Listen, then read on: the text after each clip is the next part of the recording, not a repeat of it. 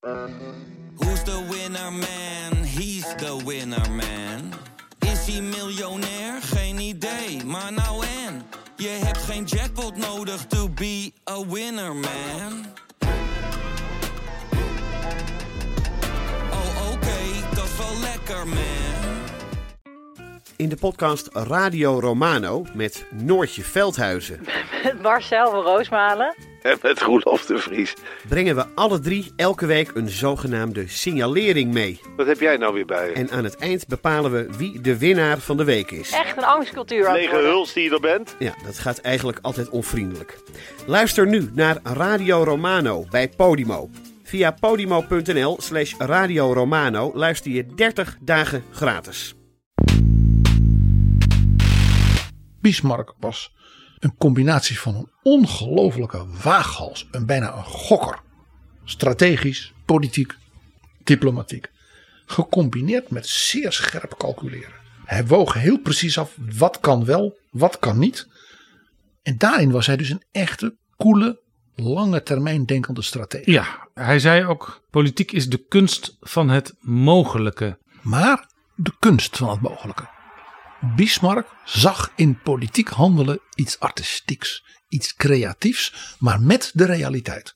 Dus er zit ook altijd, ook in zijn persoon, die spanning tussen zijn, zeg maar, zijn fantasie, zijn visionaire kant, met wat kan en wat niet kan.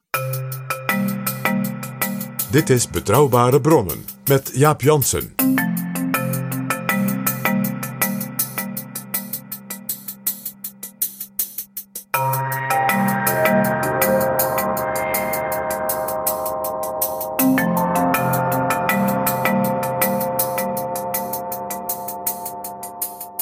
Welkom in Betrouwbare Bronnen, aflevering 339. En welkom ook PG. Dag Jaap.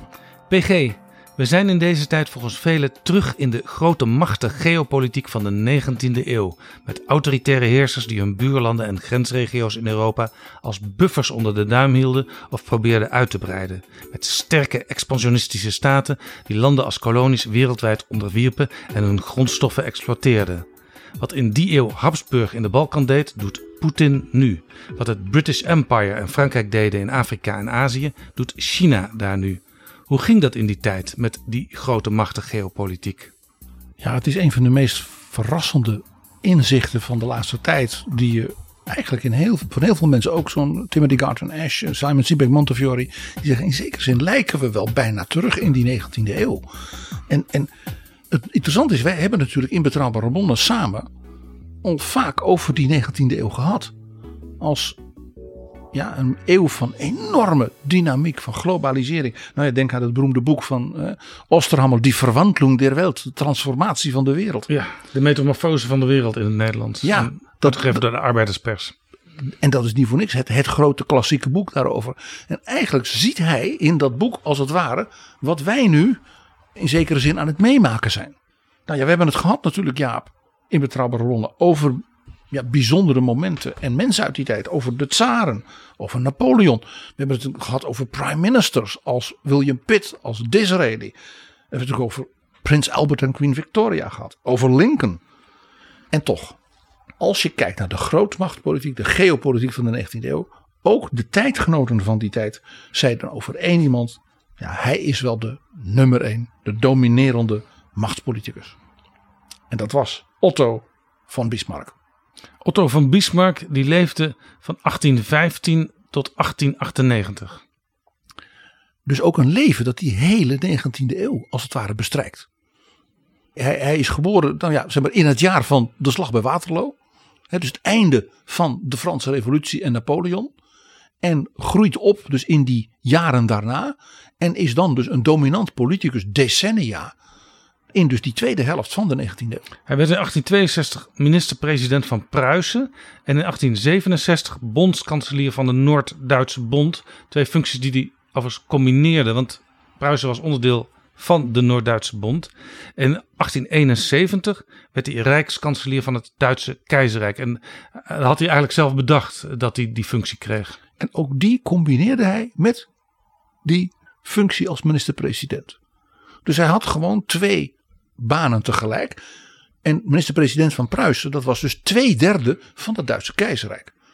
Dus het was echt gewoon twee meer dan FTE's. En dat deed hij bijna moeiteloos. En het leuke is, we moeten het inderdaad maar eens even over deze man gaan hebben. En wat je daar voor deze tijd, nu ineens zien dat we, het lijkt alsof we in die tijd van Bismarck terug zijn, van hem kunnen leren. En ja, het is een hele bijzondere man, heel bijzonder leven, een hele kleurrijke persoonlijkheid. Man van groot politiek vernuft, razend intelligent. Ja, het was een hele, hele opmerkelijke figuur. Hij moest 26 jaar samenwerken met uh, keizer Wilhelm. En die zei: Het is niet makkelijk om keizer te zijn onder Bismarck. Hij was volgens Simon Sebag Montefiore in het boek De Wereld, een familiegeschiedenis, wat we onlangs met de schrijver zelf bespraken, manisch, kleinzielig, paranoïde en rancuneus. En dat waren nog maar de minder mooie eigenschappen. Hij had ook uh, dus allerlei hele mooie eigenschappen, maar het was een zeer, zeer kleurrijke man. En die keizer Wilhelm was een zeer bedaarde, zeer rustige, maar zeer karaktervolle, echte militair was dat.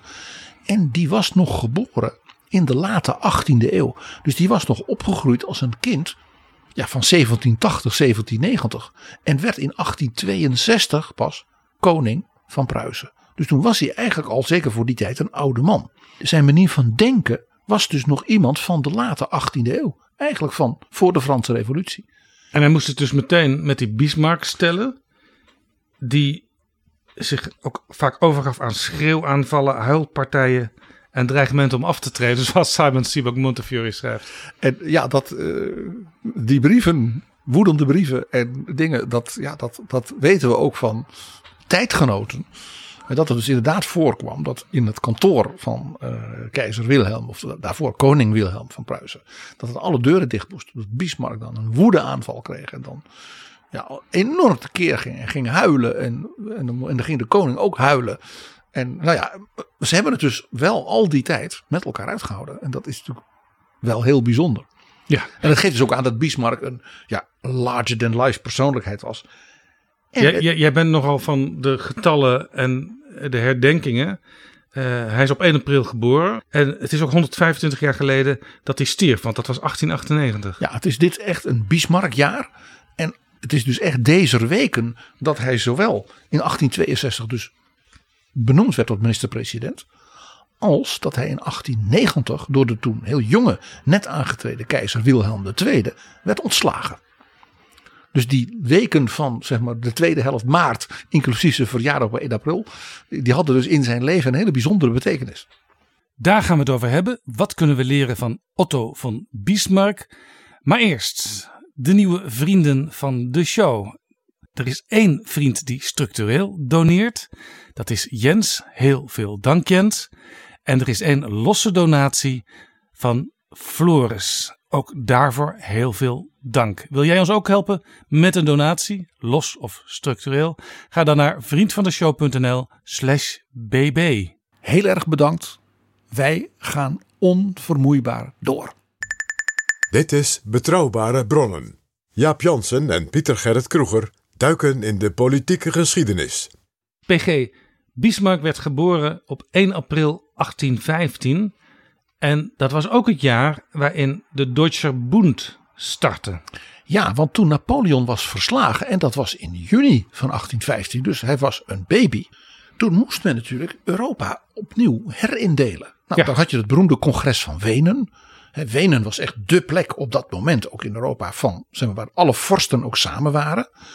Het congres dans, heel veel feesten en partijen, maar ondertussen werd er onderhandeld. Ja, onder andere Nederland en België werden toen één land. En een van de, belangrijkste onderhandelaren, was voor Pruisen de minister, wij zouden nu zeggen ambassadeur, van de koning van Pruisen in Wenen. En wie was dat? Wilhelm von Humboldt. Dus dat zijn de broers van Humboldt weer. En in Wenen besloot men om het Duitse keizerrijk, wat in 1806 in feite door Napoleon was beëindigd, niet opnieuw zoals in de middeleeuwen herop te richten. Maar zeiden ze, we moeten de Duits sprekende volkeren wel een soort ja, confederatieve bond geven. Die heette dan ook de Deutscher Bund, de Duitse Bond. Was dat ook vanuit het idee, als je dat echte oude keizerrijk weer heropricht, dan worden ze al snel te machtig. Ja, Er moet een beetje verdeling in het systeem zitten. ja, en men wilde dat dus die verschillende vorsten, die waren natuurlijk in de tijd van Napoleon natuurlijk in feite verzelfstandigd geraakt. Die wouden dus niet hun bevoegdheden en hun, ook, zeg maar, hun grotere macht als het ware weer afstaan om terug te gaan naar de tijd voor Napoleon. Ja.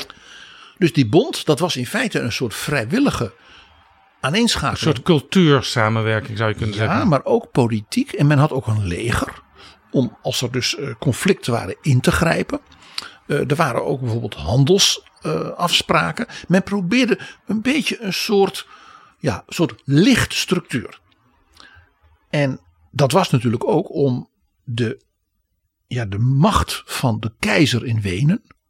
Die natuurlijk daarvoor de keizer van Duitsland was geweest. Hè, voor die Napoleon als het ware toch weer even wat op te tillen. Dus de, de Weense keizer, de Habsburgse keizer, die was wel dus duidelijk de nummer één. Het niet-Duits sprekende deel van de Habsburgse landen, dus denk aan Hongarije en dergelijke, dat zat dus niet in die Duitse Bund. Dus er liep een grens dwars door Oostenrijk, als het ware, waarbij het Duits sprekende deel, plus wat wij nu zouden zeggen Tsjechië, dat zat bij de Bond. En het Hongaarse deel, het Balkandeel, wat nu Roemenië is en eh, eh, Kroatië en zo, dat hoorde er niet bij. Dus Wenen schaakte op verschillende levels, zou je kunnen zeggen. En dat was precies natuurlijk wat de grote, briljante politicus, die in die eerste, zeg maar, 40 jaar van die 19e eeuw de dominante man was, Clemens von Metternich, dat was de kanselier in Wenen voor de keizer. En die had dit bedacht. Dus die had het schaakbord Duitsland, waar hij de nummer 1 kon zijn. Maar hij had ook buiten de Duitse bond op de Balkan, dus richting ook Rusland en de, de Osmanen en de Middellandse Zee, nog een tweede en een derde schaakveld. Ja, heel interessant. Want Metternich, dat is eigenlijk het voorbeeld waar Henry Kissinger op afgestudeerd is, zou je kunnen zeggen. Daar heeft hij dikke boeken over geschreven. En eh, de hoofdpersoon van deze aflevering, van Bismarck, die lijkt ook wel in zekere zin op Metternich. Je zult merken dat er een moment komt dat je bijna kunt, kunt zien in de geschiedenis, Jaap, dat Metternich het stokje overgeeft van de dominante politieke figuur aan Bismarck. En dat betekent ook dat eh, op dat moment dat dat stokje wordt overgegeven, het zwaartepunt niet meer in Wenen ligt, maar in, uiteindelijk in Berlijn komt te liggen. En dat het even geduurd heeft voor ze dat in Wenen door hadden, ja. Nou, dus die Duitse Bund die had een soort confederatieve Duitse eenheid. Waarbij de vorsten, maar ook de, de steden en de kleinere en de grotere eenheden allemaal een vertegenwoordiging hadden. Die had dus ook een Bundestag, want dat heette zo. Heel interessant, want Dus niet meer de Rijksdag zoals vroeger, nee, maar dus de Bondsdag. dat is dus daar, daar, daarna en, daar, en eigenlijk voor nu weer gekomen.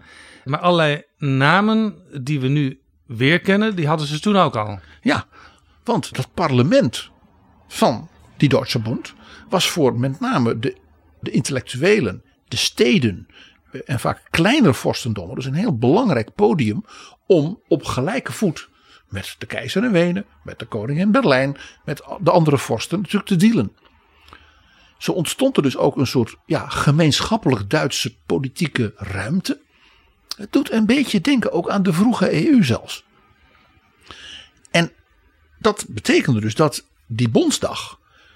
Dat werd de plek waar de grote politieke debatten werden gevoerd door de grote Duitse intellectuelen.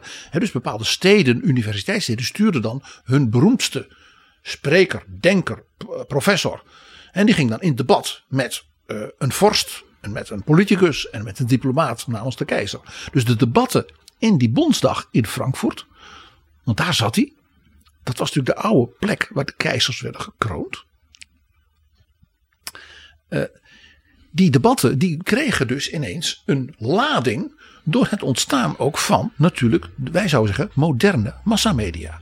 Dus de debatten in de Bondsdag in Frankfurt kwamen dus in de kranten. Die werden gelezen door het Bildungsbürgertum, door de intellectuelen. Dus daar werd op gereageerd. Dus terwijl dus die Bondsdag misschien niet zo heel veel bevoegdheden had, was dat wel de, eigenlijk de enige plek waar dus alle Duitsers, ongeacht waar ze vandaan kwamen, een politiek debat konden voeren. Dus zo kreeg dus die Duitse Bund een soort confederatieve rol, maar ook eigenlijk een soort belichaming van de Duitse eenheid. En met name de liberalen, de, intellectuelen, die zeiden: dit is eigenlijk het begin van waar wij naartoe willen, namelijk een één Duitsland, liberaal, met een grondwet. En misschien ook wel dan een soort uh, constitutionele monarch. Ja, interessant.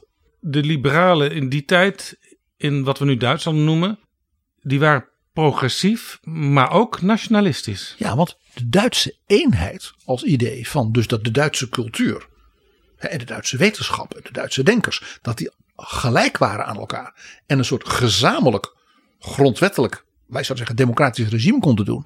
Dat betekende dus dat je als je dus voor nationale eenheid was in Duitsland, dan was je dus tegen de heerschappij van die vorsten. Die natuurlijk allemaal uh, na de Franse revolutie en met het congres van Wenen natuurlijk de democratische vernieuwingen onder de, het Franse bewind en ook onder Napoleon allemaal gingen terugdraaien. Ja, en hier is interessant uh, als Bismarck op een bepaald moment op het toneel komt. Die was niet liberaal. Die was uh, in vele opzichten conservatief. Hij was hartstikke conservatief. Maar hier kon hij het dus wel met die liberalen vinden. Want hij vond ook dat er een meer nationaal gevoel moest komen. En dat al die vorsten niet meer zoveel te vertellen moesten hebben. Bismarck is om heel veel redenen dus daarom zo interessant. Omdat hij dus aan de ene kant, geboren in 1815, zoon van de klassieke, zeer conservatieve Brandenburgse landadel, Otto von Bismarck. Ze hadden dus landerijen. Ja, ja, ja, ja. En ook in Pommeren en, en, en, en hele, grote, hele grote gebieden. Dus Bismarck was echt klassieke oude adel. Ja, dus ook uh, een familie die al vroeg in zeg maar, de pre-democratische clubs uh, zat. En natuurlijk, als want, want als je eigendom had, als je land had, dan mocht je ook meepraten. Zeker, en dan werd je dus ook uh, door de koning hè, uh, ingehuurd voor belangrijke taken. En je was natuurlijk ook de, voor de koning degene die hele provincies bestuurde, waar jij natuurlijk ook je landerijen had. Dus de heel jonge Bismarck werd, toen hij de landerijen van zijn vader overnam, toen die overleed, toen was hij 24, werd hij ook onmiddellijk lid van zeg maar, de, de landdag van Pommeren. Want daar was hij een van de belangrijkste landeigenaren. En dan was je dus machtig. En had je dus meteen een directe verbinding met de regering in Berlijn. Bismarck groeide op ja, in zeg maar, de jaren 30, jaren 40 van die 19e eeuw. En een van de meest opvallende dingen waarom ik hem ook vaak zo modern vind, is dat hij zich stierlijk verveelde. Want hij was natuurlijk eigenlijk een jongen die ach, alles vloog hem aan. Hij was rijk, hij kon uh, doen wat hij wilde. Hij, hij, was geboren met een gouden lepel in de bek. En hij verveelde zich. Hij was dus een lastige tiener. Hij was lui. Maar dat was hij omdat hij dus, nou wij zouden zeggen, hij werd niet uitgedaagd. En die luiheid, dat is heel merkwaardig, dat heeft hij altijd ook van zichzelf gezegd.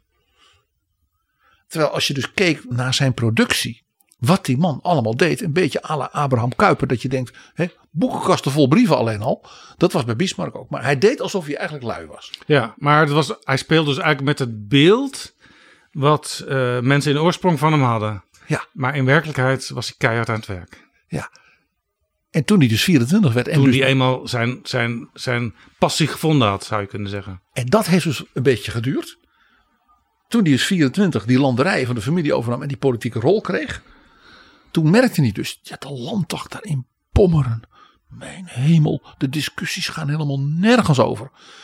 Dus hij heeft ook in die tijd, was het gewoon een beetje een wilde jongen. Hij heeft dus regelmatig de duels uitgevochten tegen mensen die gewoon vol de lol. Ja, ging hij dan uh, enorme ruzie zitten maken met politici. En waarom? Omdat hij gewoon hield van dat knokken. Ja, bij Simon Sebag Montefiore las ik dat hij in drie semesters, dus in anderhalf jaar, 25 duels uitgelokt heeft. En dat was dus toen was hij nog maar student. Ook heel grappig. Wat hij voldeed was, hij was dus lid van de landtaak in Pommern. En deed daarnaast als het ware nog een aantal extra studies. Dan zag je dus die man had dus een enorme energie. Hij deed wel dat hij lui was. Maar daarnaast deed hij nog allerlei rechtenstudies. Want hij zei ik wil dan wel in die landtaak degene zijn die het beste begrijpt hoe dit werkt. En hoe ik dat dus kan gebruiken politiek. Hij las zijn hele leven alles. Die, hij verslond literatuur, politiek, filosofie, theologie. Hij reisde, hij las ontzettend veel kranten. Hij sprak vele talen. Ja. Je hoort dus gewoon, dit was iemand die, die moest ja, voortdurend uitgedaagd worden. Hij, En- was ook, hij was ook internationaal bevriend. eh, en zijn huwelijk was ook internationaal. Ja, eh, hij was getrouwd met een zeer intelligente vrouw, Johanna. Eh, heel interessant vergeleken dus bij heel veel adellijke heren. Dus uit die tijd had hij dus een, eigenlijk een heel braaf, wij zouden zeggen modern huwelijk. Van twee mensen die eigenlijk elkaar als gelijken zagen. Eh, en eh, hij had dus geen maîtresses en dat soort dingen. Wat dus in die tijd heel ongebruikelijk was. Het was eigenlijk een bijna burgerlijk soort huwelijk. Van twee partners die elkaar ook uitdaagden. En nou, zij kon hem ook flink aanpakken. Heel, heel, ook daarin dus die merkwaardige moderniteit van een man uit 1815. Uit dus een uitermate conservatief aristocratisch milieu. En ja, hij is, nou ik zei, het stokje van Metternich. Dat is natuurlijk overgegeven in 1848. De revolutie. Het grote revolutiejaar. In Nederland natuurlijk bekend van Thorbecke en zijn grondwet. In Oostenrijk was dat toch het einde. Want daar is een hele zware, ook burgeroorlogachtige eh, eh, revolutie geweest. In Wenen, ook in Hongarije. Eh daar zijn dus ook duizenden doden bij gevallen. Dan moet je echt denken aan bloed aan de muur. Knokpartijen op straat in Wenen. Enorme opstanden. De keizer is ook gevlucht uit de stad. Een van de eerste mensen die moest vluchten was Clemens van Metternich. Die was toen al op leeftijd. Die was al een oude man. En eh, ja, dat was het einde van zijn bewind. Maar ja, die man was al minder 40 jaar aan het bewind En dat geweest. was dus ook een moment dat de, de macht van Wenen ziender ogen afnam. Daarna, met dus die liberale revolutie, die dan hier en daar ook werd onderdrukt. Maar ja, het was duidelijk dat heel Europa nu in een nieuw tijdperk gekomen was. Net als, als Nederland. En wat natuurlijk ook heel belangrijk was, dat dus die Bundestag werd ineens als het ware de plek waar dus dat politieke debat over die revolutie, over we willen Duitse eenheid, hè, dus die liberale, de liberale streven naar één Duitsland, misschien zelfs wel een republiek. Hè, zo ver wilde men wel gaan. Men wilde in feite een moderne democratische grondwet voor heel Duitsland. En wie werd benoemd tot de vertegenwoordiger van de koning van Pruisen daar in die Bondsdag in Frankfurt om dus het debat te voeren op het scherpst van de snede tegen die liberale intellectuele Otto van Bismarck.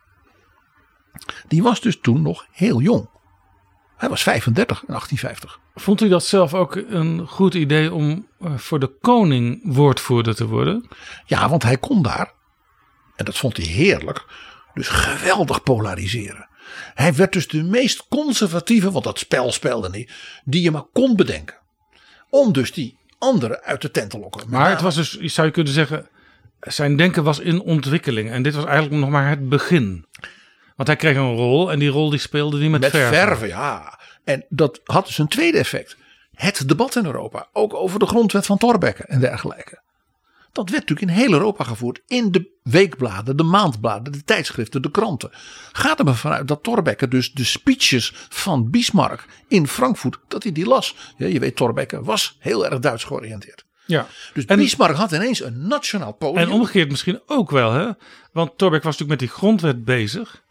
En eh, de Duitsers vonden dat ook heel interessant wat daar in Nederland gebeurde. Ik zei niet voor niks. Bismarck las alles. Las alle kranten. Las de politieke, ook linkse tijdschriften uit Engeland. Want hij kon heel goed Engels. Las alles natuurlijk uit Parijs. Wat natuurlijk ook een intellectueel was. En hij las alles uit Rusland. Want Rusland was de belangrijke conservatieve bondgenoot van Pruisen. PG, ik lees in het boek Thorbecke Willet van Remig Aerts dat Thorbecke het optreden van Bismarck van het begin af aan met ledenogen had aangezien. Thorbecke had een warme binding met het Saksische Dresden en hij voelde nooit veel sympathie voor Pruisen. En hij vond het optreden van Pruisen in eerdere jaren vooral aarzelend en onvast, maar onder Bismarck werd het bedreigend. Hoe gouvernementeel hij ook was, Thorbecke, hij had een afkeer van machtspolitiek van dit type. Bismarcks autoriteit was van het verkeerde soort. Zij berustte namelijk niet op recht en moraal, meende Thorbecke. Zo. Bismarck was dus voor Thorbecke een begrip. En dat kwam dus doordat hij, dus zo jong, daar in Frankfurt in die Bondsdag, ja, als een soort, uh, soort, soort kampioen debater, hè, door de koning van Pruisen, daar werd gestuurd. En hij meteen zei, nou, kom maar. Dat was natuurlijk voor een deel, voor de liberalen, de linksen, de katholieken, ja, elders uit het Rijk, ook verschrikkelijk leuk. Die mensen hielden natuurlijk van debat, die hielden van dat intellectuele debat. Dat ging ergens over. En met Bismarck, nou, hij heeft dus meerdere keren ook daar duels gepleegd. Ja, maar dat deed Thorbecke trouwens ook, hè? Want die uh, had als uh, een van zijn beste vrienden uh, Guillaume Groen van Prinster, met wie hij ook debatteerde in de Tweede Kamer. Op het scherpst Maar die gingen ook met elkaar regelmatig dineren, terwijl ze ja, politieke tegenstanders van je welste waren. Het leukste voorbeeld uit het leven van Bismarck was zijn bijzondere band met Ferdinand Lassalle. Van de Sociaaldemocraten. De oprichter van wat later de SPD werd. Dat was een dandy, een intellectueel. Uh, en die verkeerde in de betere kringen. Ja, letterlijk een salonsocialist. Het was een echte salonsocialist. Had heel veel adellijke dames die, die, die hem ook protegeerden, zullen we maar zeggen. En dat wist Bismarck. Bismarck vond het fascinerend om met die man een avond ja, een mooie fles wijn te drinken en elkaar de hersens in te slaan. Dat is een bepaald type politicus, dat kennen wij natuurlijk, die daarvan houdt. Die ook van het intellectuele spel houdt, maar ook van macht. Dus daar in Frankfurt kreeg Bismarck een podium. Dat hij dus daar in die landdag van Pommeren. En ook zelfs in Berlijn, het Abgeordnetenhaus, natuurlijk nooit zou krijgen. Hij kreeg ineens een nationaal, zeg Duits podium. En daarmee meteen een Europees podium. Want natuurlijk de, zeg maar, de ambassadeur van de keizer in Wenen. Die dus zag wat daar gebeurde in Frankfurt. Dat daar dus die Duitse liberale eenheid. En dat ging dus ten koste van de positie van Wenen op langere termijn. Want dat voelden ze wel aan. Die zorgde dus dat daar en detail werd gerapporteerd over die debat. Alle kranten in Europa schreven daarover. Dus Otto van Bismarck, die jonge, welbespraakte, bepaald niet bange en provocerende debater, die werd een begrip. Hetgeen ertoe leidde dat als hij dan in Europa rondreisde, dat hij door iedereen ontvangen werd. Dat was de andere kant. En dat leidde tot iets heel aparts, ja. En dat heeft achter, later was dat voor hem een grote plus. Namelijk dat de, wij zouden zeggen, het kartel in Berlijn. Dus de heren van stand die daar de ministers waren. Die waren ook allemaal twintig jaar ouder dan hij. Of nog ouder. Zoiets hadden van die Bismarck. Die, hmm, ja, hij is wel... Uh, maar die heeft misschien wel heel veel ambitie. Dus, en de koning, dat was toen in die tijd, net als Torbeck ook zei, een wat zwakke, aarzelende figuur. Die vond die Bismarck dus een beetje eng. Maar die, had hem, maar die had hem toch wel als een soort woordvoerder daar neergezet? Ja, maar hij deed het bijna te goed. uh, zolang hij daar nou zich koest hield. Maar ja, hij hield zich niet koest. Hij maakte, hij maakte wat van die baan. En soms kun je ook te veel ervan maken. Dus wat gebeurde er? Men heeft toen Bismarck hele mooie functies gegeven, maar vooral heel ver weg. dus wat werd hij? Hij werd de ambassadeur van de koning van Pruisen in Sint-Petersburg. Bij de tsaar. Bij de tsaar. Wat gebeurde daar? Ja, door zijn persoonlijkheid, zijn charme, zijn esprit zou je bijna zeggen. Raakte hij persoonlijk bevriend met de tsaar en vooral ook met de tsarina, want dat was een Duitse prinses. En je weet, de tsaren waren in feite ook allemaal Duitsers. Dus het duurde niet lang of Bismarck werd als het ware als de tsaar een klein soupeetje gaf. Niet alleen een groot staatsbanket, maar ook gewoon met 10, 15 mensen. Dan werd Bismarck uitgenodigd. En dan zat hij aan tafel tussen de tsaar en de tsarina in. Want zijn, plaats. Want zijn, de manier waarop hij het gesprek hield van, over het nieuwste boek, de, de discussie die gevoerd wordt. Eh, ze waren dol op die man. Hij bracht iets van ja, de, de wereld, van, van buiten Sint-Petersburg en he, uit Europa bracht, bracht hij binnen. En had dus daardoor heel veel invloed op tsaar Alexander II. Dat is interessant. Het kartel, zoals jij het noemde, stuurde hem ver weg naar Sint-Petersburg. Uh, maar daar kwam hij in feite op de troon te zitten. En dat was natuurlijk de belangrijkste uh, diplomatieke post voor, voor Berlijn. Dat was Sint-Petersburg. Dus je zou eigenlijk kunnen zeggen dat hij daarmee een soort van alternatieve minister van Buitenlandse Zaken was geworden. Ja, hij kreeg natuurlijk meteen weer net als dus daar in die Bondsdag in Frankfurt weer een podium Europees. Nu dus op een nog veel chiquer niveau. En kreeg natuurlijk een fabelachtig netwerk. Met iedereen die ertoe deed. Want je begrijpt dat de Franse ambassadeur en de Engelse ambassadeur natuurlijk ook met hem ging lunchen. En zei: ja, wat, hoe denkt zijn majesteit hierover? En die rapporteerde dat natuurlijk wel even naar de regering in Londen. Ja, Her von Bismarck zei, zei dit. Ja. Dus na een tijdje in Sint-Petersburg begonnen ze dus in Berlijn alweer een beetje nerveus te worden. Ja, toen hebben ze gedacht, weet je wat, we sturen hem ergens anders heen. Toen werd hij dus ambassadeur in Parijs. Ook niet een onbelangrijke stad Nee. als het gaat om de politieke macht. En Ja, was natuurlijk een sterker belangrijke nog- rivaal. ja, dat wou ik zeggen. Een soort van concurrent op het eh, geopolitieke vlak. En je begrijpt dat Bismarck daar die perfect eh, zich in het Frans kon uiten. En natuurlijk ook in het Engels, wat hij ook nog kon. Dus die bewoog zich daar in Parijs als een vis in het water. In alle salons was hij eh, populair eh, en hij was ondeugend. En, eh, nou ja, hij, hij begon ietsje minder vaak duels te doen. Dat, dus terwijl hij eigenlijk een wat merkwaardige politieke carrière maakte. Hij had dus al door een, een, een soort podium dat hem op een veel bredere plek gaf en aandacht ja, dan de gemiddelde politicus zeg maar in Berlijn. Werd hij toch met een zekere argwaan altijd bekeken. Men wist hij is briljant, maar eh, laten we hem vooral niet hier in Berlijn hebben. Hè? Want dan, dan gaat hij zich met ons werk bemoeien als ministers. Dat was toch, dan stuur hem maar weer weg. Tot die koning, eh, waarvan al zeiden die dus eh, ja, een aarzelend, hè, zoals ook eh Thorbecke schreef, een onduidelijk beleid. Die sterft.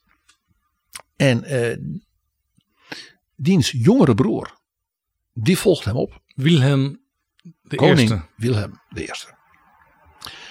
En dat, ja, die, die wist dat, dat dat zou kunnen. Want eh, die wist ook dat zijn broer niet gezond was.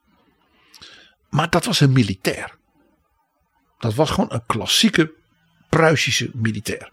Die was in 1848, toen de revolutie ook in Berlijn kwam en de liberalen daar ook aan de macht probeerden te komen, hebben ze hem zelfs in ballingschap gestuurd. Omdat hij dus als het ware ervan verdacht werd eventueel met troepen Berlijn binnen te vallen en gewoon iedereen overhoop te schieten. Ja, om een autoritair bewind te vestigen. Hij werd spottend der Kartetjenprins genoemd. Kartetjen, dat zijn dus de kogels, de kogelprins. Maar ja, hij werd nu koning. En die zei ja, eh, dan wil ik ook zelf kunnen regeren. En die zei ja, mijn voorganger, mijn broer, eh, ja, die heeft het allemaal laten versloffen. En eh, een van de eerste dingen die moet gebeuren is dus een enorme modernisering van het leger. Want ja, dat was zijn ding natuurlijk. Dus hij zei de, de dienstplicht moet worden verdubbeld en er moet veel, heel veel geld naartoe. En ja, dus hij vroeg dan aan de ministers hè, van de vorige regering. Zou u als minister-president eh, die, die wetten willen indienen bij het, bij, de, bij het parlement en dat dan verdedigen? En dan- En die hadden daar niet veel zin in. die wisten allemaal dat dat natuurlijk, dat was zelfmoordpolitiek. Want dan ging je daar heel veel geld aan uitgeven en die wilde juist de economie stimuleren. En die, de liberale meerderheid, ja, en de katholieke meerderheid. Want de liberalen en de katholieken vormden hele grote groepen in dat Pruisen. Want Pruisen had natuurlijk dat hele Rijnland en het Roergebied hè, na Napoleon gekregen. En nou ja, je weet het Rijnland, hè, dat is waar Adenauer ook in die tijd is geboren als jonge, jongeman. Dat was natuurlijk zo katholiek als maar kon. En was dus, ja, dat wilde ze natuurlijk zijn eigen positie beschermen. En dat Roergebied, dat begon natuurlijk economisch en technologisch enorm op te komen. En die wilde natuurlijk een modern economisch beleid waardoor je een ex- expansie kon plegen. Ja, en, en, en, en een, een koning, ja, die dus eigenlijk nog geboren was in de 18e eeuw. Dat was eigenlijk een man van 1790 qua denken. Die een leger wilde zoals Frederik de Grote dat had gehad. Ja, eh, sorry. Dus er ontstond een hele grote constitutionele crisis tussen de koning en het parlement meteen na zijn aantreden. En toen heeft hij. eh, is hij getipt geweest door zeer conservatieve politici. Die zeiden: Wij weten iemand met wie u moet gaan praten. En dat was Bismarck. Dat is de ambassadeur in Parijs. Ja, Dus toen hebben ze onder het mom dat hij voor consultatie teruggeroepen werd. Hem naar Berlijn gehaald. Heeft hij gepraat met minister Zaken. Maar dat was allemaal fake. de realiteit was dat hij dus onder vier ogen in het diepste geheim in Potsdam is gaan praten met dus de nieuwe koning. En die zei, ja, ik weet niet hoe ik hier uitkom. Wat Bismarck zei, majesteit, laat mij maar eens even nadenken hoe u hieruit komt. En Bismarck heeft in feite een soort strategie voorgelegd die zo gedurfd was. Dat de koning dacht van, als ik hier ja tegen zeg, dan ben ik zeg maar voor de rest van mijn leven getrouwd met die Bismarck. Zeg ik er nee tegen, ja, dan ben ik in zekere zin verloren. Want ik kan niemand anders vinden die dit voor mij kan aanpakken. Wat was het plan? Want we weten dus dat Bismarck een, een goede debater was. Uh, maar we weten ook dat hij geen democraat is. En uh, het parlement moest overtuigd worden van de plannen en vooral ook van de enorme begrotingswijzigingen die de koning voorstond om dat leger op te bouwen. Hoe dacht Bismarck dat voor elkaar te gaan krijgen? Door het parlement volstrekt te negeren. ja, zo kan het ook, ja. Maar dan moet je natuurlijk wel een, dan moet je wel een strategie hebben van wat ga je dan doen? Hij zei tegen de koning, die legerhervormingen, die moeten wel ergens toe dienen. En wij moeten dat dus gebruiken om de positie van Brandenburg-Pruisen in de Duitse Bond, waar ik uw woordvoerder van uw voorganger was in Frankfurt, fundamenteel te veranderen. En daar gaan we dat leger voor gebruiken. En ik ga dat namens u in dat parlement zeggen: van moet je eens horen. Dit gaat om het voortbestaan van Brandenburg-Pruisen. En ik heb verder alle respect hoor voor u als parlement. Maar als het gaat om het voortbestaan van de natie, dan kan het parlement, zeg maar rustig, de boom in. Dus wat heeft Bismarck gedaan? Die heeft gezegd van ik ga gewoon per edict gewoon begrotingen indienen. En als het parlement het afwijst, nou dan wijst het maar af. Maar ik ga wel gewoon dat geld ophalen. Maar we weten, uh, als je als parlement de bevoegdheid hebt om uh, de begroting goed te keuren en eventueel te wijzigen.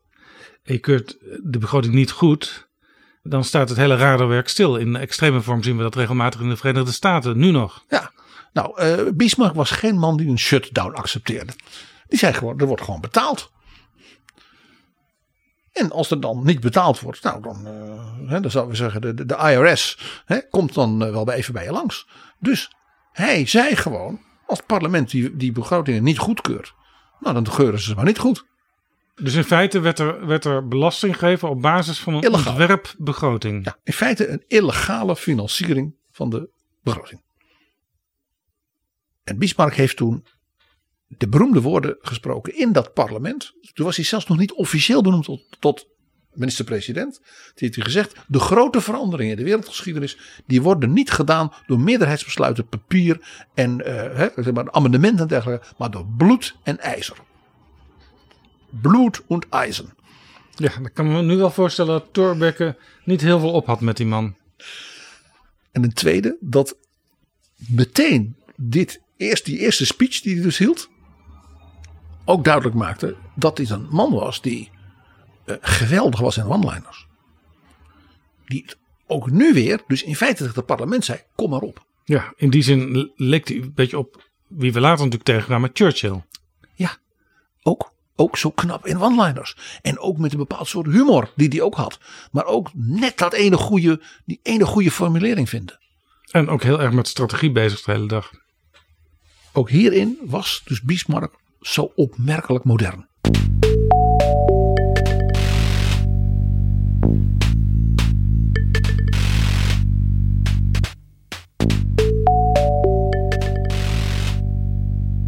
Nou, dat leger werd dus uh, uitgebreid en dat werd uh, ja, gemoderniseerd. Daarmee had hij natuurlijk de steun. Hoewel het dan allemaal niet heel legaal was, als het ware, hè, staatsrechtelijk gezien van natuurlijk de nieuwe industrie. Want die industrie in het Roergebied, die vond dat natuurlijk prachtig. Dat er heel veel kanonnen moesten worden gemaakt. En heel veel moderne spullen. Hij was ook eh, bevriend met de familie Kroep van Kroepstaal. Die beroemde families van de Duitse industrie. Die komen niet voor niks allemaal uit die tijd. Bismarck is dus ook op een bepaalde manier de maker geworden in de, de, de decennia hierna. Van wat wij zouden zeggen een soort interne markt van dat Duitse Rijk. Dat werd één groot economisch gebied. En waarin dus een enorme opgang was van technologie, wetenschap. Duitsland werd natuurlijk absoluut de nummer één land op het gebied van de nieuwste wetenschap. En dat werd natuurlijk door die industrie ook weer toegepast. Dus je kreeg al die nieuwe apparatuur, hè, de elektriciteit. De, nou ja, vul maar in. Duitsland werd het nummer één land op het gebied van de modernste technologie en economie Ja. in Europa en in de wereld. Interessant, eh, in dit opzicht was hij dus modern. Ook in het steunen van wetenschapsontwikkeling. Eh, was hij dan ook voorstander van persvrijheid? Want dat hoort er ook een beetje bij, zou je zeggen. Nou ja, het antwoord is natuurlijk nee. Maar aan de andere kant ook weer wel. Het grappige was, wat Bismarck zei, kijk, in Pruisen geldt Pruisen. En dat is autoritair bewind. En, hè. Maar hij heeft bijvoorbeeld heel lang stiekem met geheim geld een eigen krant gefinancierd. En dat was een regeringskritische krant. Dus daar konden intellectuelen allemaal artikelen inschrijven dat ze het niet eens waren met Bismarck. Wat was zijn idee daarachter? Je kon beter een gestuurde oppositie hebben dan een ongestuurde oppositie. Want hij zorgde wel dat maar, de hoofdredactionele commentaren in bepaalde, bepaalde belangrijke debatten uiteindelijk uitmonden in min of meer toch begrip voor het bewind van Bismarck. Controlled opposition. Ja, hij had dus allerlei kritische journalisten. Die liet hij dan schrijven, die betaalde hij ook. Dat, dat geld dat noemde hij het reptielenfonds, want hij noemde ze reptielen. Oeh, dat horen we tegenwoordig ook uit de andere hoek. Ja, dat is reptilienfonds noemde hij dat. En hij wist dus dat die mensen daardoor een inkomen hadden. Maar ze dus ook een beetje afhankelijk weer van hem waren. Maar in andere delen van Duitsland, bijvoorbeeld in Baden en in Württemberg en in Beieren, daar was er veel meer liberaliteit, ook in Hamburg. En daarvan zei hij, ja, dat is soevereiniteit. Als in Hamburg van die rode krant hebben, ja, ik vind het helemaal niks, maar dat moet Hamburg zelf weten. Dus in dat opzicht, ook daar weer is gehad. Stiekem vond hij het natuurlijk eigenlijk gewoon hartstikke leuk. Dat er artikelen waren waar hij zich dan over opwond. En dan liet hij iemand een tegenartikel schrijven. Desnoods in zijn eigen krant. Betaald met eh, zwart geld. Ja, Hij genoot in zekere zin enorm van het politieke debat. Van macht. ja. Van de toepassing van macht. En van het spel. En nog een keer. Zijn lange termijn strategie die hij de koning had overtuigd. Dat heb je vaker dat politici, eh, ja, bij wijze van spreken, eh, krantenknipsels verzamelen. Eh, Ed Nijpels, eh, oud-VVD-leider, die ook op 1 april geboren is, die had zijn hele muur vol hangen met cartoons waar hij toch niet allemaal eh, geweldig uitkwam. Maar dat vond hij geweldig. Vond hij prachtig. Dat, dat, eh, dan, dan deed je ertoe, was zijn idee. Volstrekt herkenbaar. Dat is wat ze noemen een politiek dier. Dat zit gewoon in je vezels. Het zit in je DNA. Je leeft en ademt en drinkt en eet politiek. Dat gold voor Bismarck. Toen ik voor. Betrouwbare Bronnen op bezoek was bij Frits Bolkestein, een leuk interview toen gemaakt. Toen zag ik aan de muur een Franse krant hangen met grote koppen eh, van, van een demonstratie tegen Bolkestein. Stond op een Franse krant. Als de eurocommissaris eh, deed hij dingen die die Fransen niet leuk De vonden. Bolkestein-richtlijn over de dienstensector. Inderdaad. Nou, dit heeft een klein Bismarck dingetje. Ze zijn tegen mij, ik doe ertoe. En ik ga het ook nog een beetje aanpoken, dat debat. Want ik vind het leuk. Kom maar op. Ja? Nou, wat was zijn strategie die hij dus koning Wilhelm had uitgelegd? Die zei, we moeten die Deutsche Bund, waar we nu nog in zitten, waar ik dus in Frankfurt ook de woordvoerder van Pruisen was, en waar de keizer van Wenen een belangrijke rol in speelt. En het is in feite zijn greep op de rest van Duitsland, want zo is het bedoeld in 1815. Wij moeten die van binnenuit opblazen zodat Brandenburg-Pruisen in feite een eigen beleid kan gaan voeren in Europa. En wij zijn dan dominant in de rest van Duitsland. Dat is interessant, want in feite ging die dus die Duitse samenwerking kleiner maken om machtiger te worden. En dit is dus een zeer ongebruikelijke strategie. Want meestal zegt men expansie. En hij zei nee, kleiner. En toen zei hij, ja, hoe gaan we dat dan doen? Nou, zei hij, we gaan een oorlog voeren tegen Denemarken. Om de hertogdommen Schleswig-Holstein. Doet er nou volstrekt niet toe waarom dat was. Maar je moet één ding even onthouden. Weet je welk vorstenhuis in Europa helemaal uit Schleswig-Holstein kwam en dus hele bijzondere familiebanden daarmee hadden? De tsaren, de Romanovs, kwamen in belangrijke mate uit Holstein. Wist hij dat? Natuurlijk wist hij dat. Als vriend van tsaar Alexander II. Dus hij speelde nu al meteen op een heel groot schaakbord. Met een klein vorstendommetje aan de grens met Denemarken. En hij wist dat in Sint-Petersburg iedereen zou opkijken van wat gebeurt hier. Wat vond de tsaar daarvan? De tsaar vond het prima. Maar er was een andere vorst die vond het helemaal niks. En dat was de keizer in Wenen. Die zei waarom, ik wil geen oorlog. En we, we moeten, hè, die wou juist die, die Duitse Pappen Bund- en nat houden. Ja, die Duitse Bund was voor het pappen en nat houden en de greep van Wenen erop houden. Maar die oorlog was ook eigenlijk helemaal niet bedoeld om eh, dat Sleeswijk-Holstein erbij te krijgen. In Denemarken te straffen voor iets. Maar het was gewoon bedoeld om Wenen op stang te jagen. En uiteindelijk eh, ruzie met Wenen te krijgen. eh, Zodat eh, het noorden van het Duitse Rijk zelfstandig werd. En zijn eigen gang kon gaan.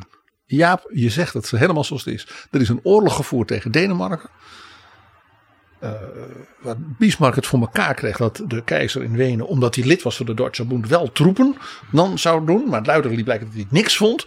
Nou, dus Bismarck heeft gewoon de Pruisische troepen gewoon laten, eh, de zaak aan Vlaanderen laten schieten. En die heeft dat, die Denen verslagen. En nou, de Denemarken moest een stuk inleveren aan Schleswig-Holstein. Dus die Noord-Duitse vorsten en dus ook de tsaar, die zeiden hartstikke goed. En in Wenen hadden ze natuurlijk de pest in. En sindsdien is het ook Duits. Ook nu nog Ja. is dat deel van Duitsland. Daarna is er weer een stukje teruggegeven. Maar bijvoorbeeld nu nog in Schleswig-Holstein. De de huidige bondstaat waar Robert Habeck vandaan komt. Daar is in de, het parlement een speciale zetels gereserveerd voor de Deense minderheid. Ah. En dat is dus een echo van Bismarcks vilijne machtsstrategie. Om dus Wenen eigenlijk Duitsland uit te mikken. Daar kwam het op neer. Was hij niet bang, Bismarck, dat Wenen steun zou krijgen, echte steun zou krijgen van machtige landen in de buurt? Ja, eh, dus hij had er alle belang bij om de tsaar en Habsburg, Wenen, als het ware, eh, tegen elkaar uit te spelen. Dat kon altijd via de Balkan natuurlijk. Waar ze alle Ja. twee ja, hun macht probeerden te doen. Dus hij kon die twee altijd tegen elkaar uitspelen. Zijn grootste gevaar, en dat was ook wat de koning Wilhelm dus heel bang voor was. Die zei ja, maar alle andere vorsten in die Duitse bond. De koning van Beieren, de koning van Hannover, van Baden, van Württemberg. Die staan allemaal aan de kant van Wenen. Maar de Bismarck zei, ja majesteit, dat is toch precies de bedoeling. De koning moest, moest tot de koning door dat Bismarck nog veel verder dacht. Bismarck heeft het toen zo gespeeld dat de afhandeling van die oorlog in Schleswig-Holstein ertoe leidde dat de andere Duitse vorsten de koning van Brandenburg-Pruisen, dus koning Wilhelm, als ware tot de orde riepen. Dat was niet goed dat Pruisen had gedaan. Pruisen moest worden gestraft. Voor Bismarck dat was dat precies wat hij wilde. Dus Bismarck gezegd van ja, dat laten wij ons niet gebeuren. En die heeft gezegd, zet ons maar uit die Duitse bond. En toen heeft hij de oorlog verklaard aan Wenen. En aan die Duitse vorsten die dus meededen met Wenen. Dus het machtigste deel zou je kunnen zeggen van dat noordelijke Duitsland. Dat werd bedreigd met uitzetting Ja. door de andere vorsten. En dat was precies wat Bismarck bedoeld had. Hij had ze ertoe geprovoceerd. Want toen kon hij zeggen, ja dan gelden dus de afspraken die wij binnen die bond hebben. Over hoe wij conflicten oplossen. Die gelden nu En niet het meer. slimme was dat die vorsten nu gedwongen werden Te kiezen. om uiteindelijk eieren voor hun geld te kiezen. En dat was toch een band handhaven en verbeteren met Pruisen. Ja, want dat Pruisische leger, dat rukte op. En ja, net als in Denemarken, die hakte dus die andere vorsten in de pan. Dat was buitengewoon pijnlijk. Eh, De, de, de, koning van Hannover, die dus vroeger waren ook de koning van Engeland. Hè, dat Hannover, dat werd bezet. En heeft die koning gewoon eh, in, in ballingschap gestuurd. En gewoon heel, dat hele Hannover gewoon ingelijfd bij Pruisen. Ja, want die waren nog het meest fel Ja. tegen die oorlog. Ja, en de koning van, van, van eh, Beieren. eh, die deed dus ook mee met, hè, eh, met Habsburg. En nou ja, de, de Beierse troepen hebben een klein beetje gevochten. Dus hebben ze meteen een wapenstilstand gedaan. En de grote aanval was natuurlijk vanuit Saksen. In het noorden van wat wij nu Tsjechië zouden noemen. En daar was natuurlijk een groot deel van het Oostenrijkse leger stond daar hè, klaar. En dat Pruisische leger heeft dus in één hele grote veldslag. Waar eh, eh, Bismarck ook zelf bij was. eh, het Oostenrijkse leger in de pan gehakt. En toen deed Bismarck iets wat we daarna vaker van hem gaan zien. Je zou denken, nou, hij, dit is, hij is nu op top van zijn macht. Hè? Wat kan er nu nog misgaan? Dus hij gaat die keizer van We in Wenen, ja, die gaat hij helemaal fijn malen. Nee. Hij heeft toen een hele, hele ingetogen vrede getekend. We hebben nu met elkaar gevochten. Het is nu duidelijk hoe de verhoudingen zijn. Dus Branden Pruisen 1, Habsburg 2. Hij heeft dus tegen de andere Duitse vorsten gezegd: Ik ga nu een nieuwe Duitse bond oprichten, maar die heet de Noord-Duitse Bond. Dus dat was in feite het Duitsland zoals we het ook nu nog een beetje kennen op de kaart, zonder Oostenrijk. Ja. En zonder Bohemen en Moravië, hè, dus in Praag. Dus ineens liep die grens langs wat we nu ook een beetje kennen. En die vorsten, die waren dus, ja, die waren, ja, die waren dus daarmee hun support ja, van Wenen kwijt. Dus die moesten zich nu helemaal richten op Berlijn.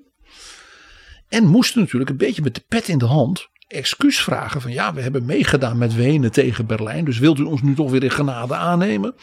En waarbij dus die koning van Hannover als voorbeeld en schrikbeeld voor die anderen, hè, als het ware, eh, nou ja, afgezet werd in zijn hele landerijen en alles in feite gewoon ingelijfd in Pruisen. Dus die anderen waren al lang blij dat het met hen niet ook gebeurde, snap je? En zo kwam hij aan dat reptilienfonds om bijvoorbeeld die kranten te betalen. Ja. Want dat was namelijk de oude kroonschat van de koningen van Hannover. En dat geld dat heeft hij gewoon als het ware in zijn achterzak gestopt. In een soort aparte geheime begroting waar alleen Ja. Bismarck uit kon putten. Dus dit ging nog veel verder. Het was niet alleen een begroting die niet was goedgekeurd door het parlement. Het was zelfs een begroting die niet gekend was. Deze ongelofelijke overwinning, politiek, militair, was natuurlijk daarmee het bewijs voor de koning en voor Bismarck naar dat parlement om te zeggen: had u nog klachten over die begrotingen van de voorbije jaren? Of gaat u ze achteraf nu nog maar goedkeuren? Ja, maar we zi- we zien dus eh, dat er een Noord-Duitse bond ontstond. Ja. En die kon Bismarck dus eigenlijk naar zijn eigen gedachten vormen. En hij duwde dus dat machtige Habsburg in feite de Balkan in. Hoe keken de Fransen daarnaar? Want hij was natuurlijk ambassadeur in Parijs geweest. Frankrijk was een andere grootmacht in Europa. En die zagen ineens een, een steeds sterker wordend Pruisen met alle landen eromheen die nu ineens eh, ja, met Pruisen regeerden. Frankrijk was natuurlijk altijd, ook in de eeuwen daarvoor, vaak de vriend van Oostenrijk geweest. En Oostenrijk was vernederd. Oostenrijk was ja, naar het tweede plan gedrukt. En ja, moest zijn glorie dan maar ooit de Balkan zien te vinden. Maar ja, daar hadden ze dan weer de tsaar. Die dan natuurlijk gesteund werd door Pruisen. Maar ja, dan had je ook nog weer de Turken. Dus ineens zat Oostenrijk zat dus ineens daarin- klem. Ja, in dat Zuidoosten. En had dus niet veel aandacht meer voor wat er in Duitsland gebeurde. Want ja, dat, die plek waren ze kwijt. Dus dat betekende voor Frankrijk dat Frankrijk ontdekte: we staan min of meer alleen. En Frankrijk had op dat moment een keizer. Napoleon III. De neef van de grote Napoleon Bonaparte. Ja, En dat was de volgende en laatste stap in dus die strategie van Bismarck. Bismarck die had dus, je, je hoort dus, dit was helemaal doordacht. Hè? Nadat we Oostenrijk hebben geïsoleerd en in de Balkan gedrukt. En ik de Duitse vorsten in feite aan mijn kant nu heb. mm, Kicking en screaming en niet blij, maar ze moeten wel, willen ze overleven. Gaan we ons nu richten op Frankrijk. ja. En er speelde nog iets. In Spanje ontstond een vacature. Ja, maar Bismarck heeft eerst nog, Jaap, het via Nederland geprobeerd. Frankrijk te provoceren. Doordat hij tegen koning Willem III, en je weet, hè, dat was een groot bewonderaar van de grondwet van de liberale Torbekke. Hè? Maar niet heus. maar niet heus. Elke pen werd in de open haard gegooid. En Thorbecke moest weer een nieuwe pen aan de koning geven. Voor elke wet die hij voorstelde. En koning Willem III die had eh, heel veel onkosten aan dames en andere dingen. Dus Bismarck heeft dus in Den Haag eens laten polsen of de koning bereid was Luxemburg te verkopen, over te dragen aan Pruisen. Want hij was nog groothertog van Luxemburg. Ja, En dat was natuurlijk een van de machtigste en meest strategisch gelegen forten van Europa.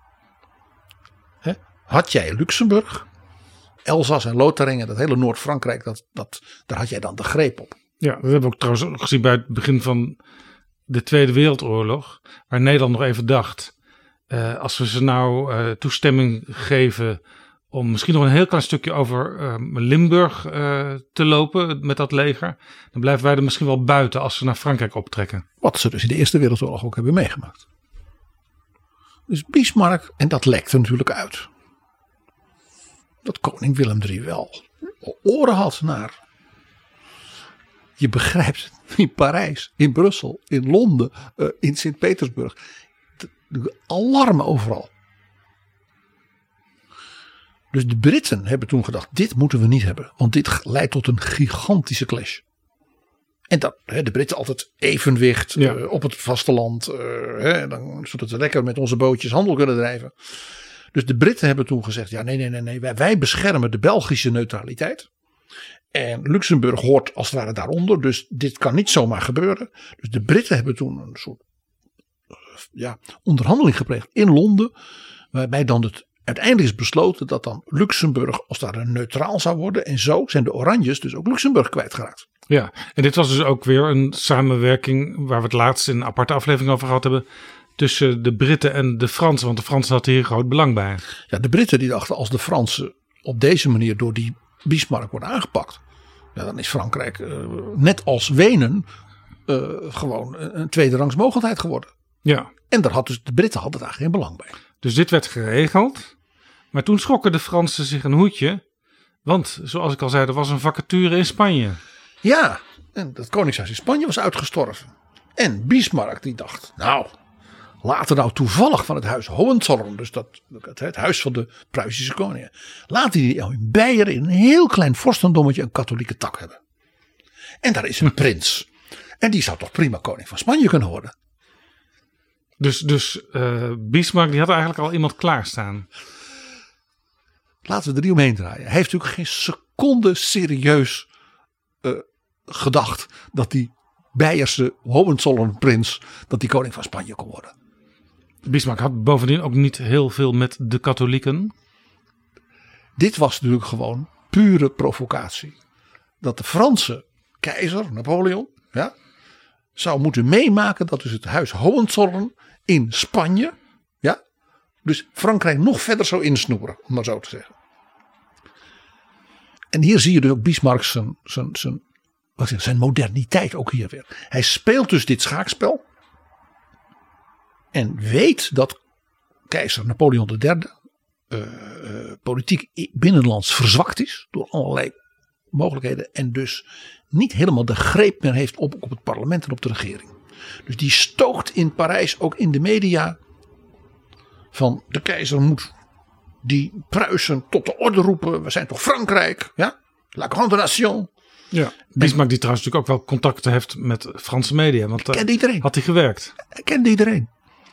En hij heeft vast ook een paar Franse journalisten omgekocht met dat eh, Met dat uh, reptielenfonds. Ja. Koning Wilhelm is natuurlijk in die zomer van 1870 in zo'n kuuroord. Van die watertjes drinken. Dat deed je in die tijd.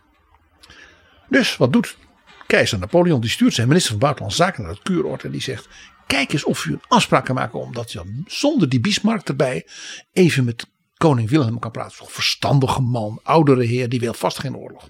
En kon de koning dat doen? Uh, was het niet zo dat Bismarck toch altijd wel op de hoogte was van wat de koning deed? Natuurlijk. Formeel, volgens de wet, kon de koning natuurlijk met een buitenlandse diplomaat praten. Maar zoals je al zei, hij wist hoe moeilijk het was om koning te zijn onder Bismarck. Ja. Dus toen hem werd gevraagd, hè, dat, dat in die tijd was er een li, liet je je kaartje achter, weet je wel, s'morgens.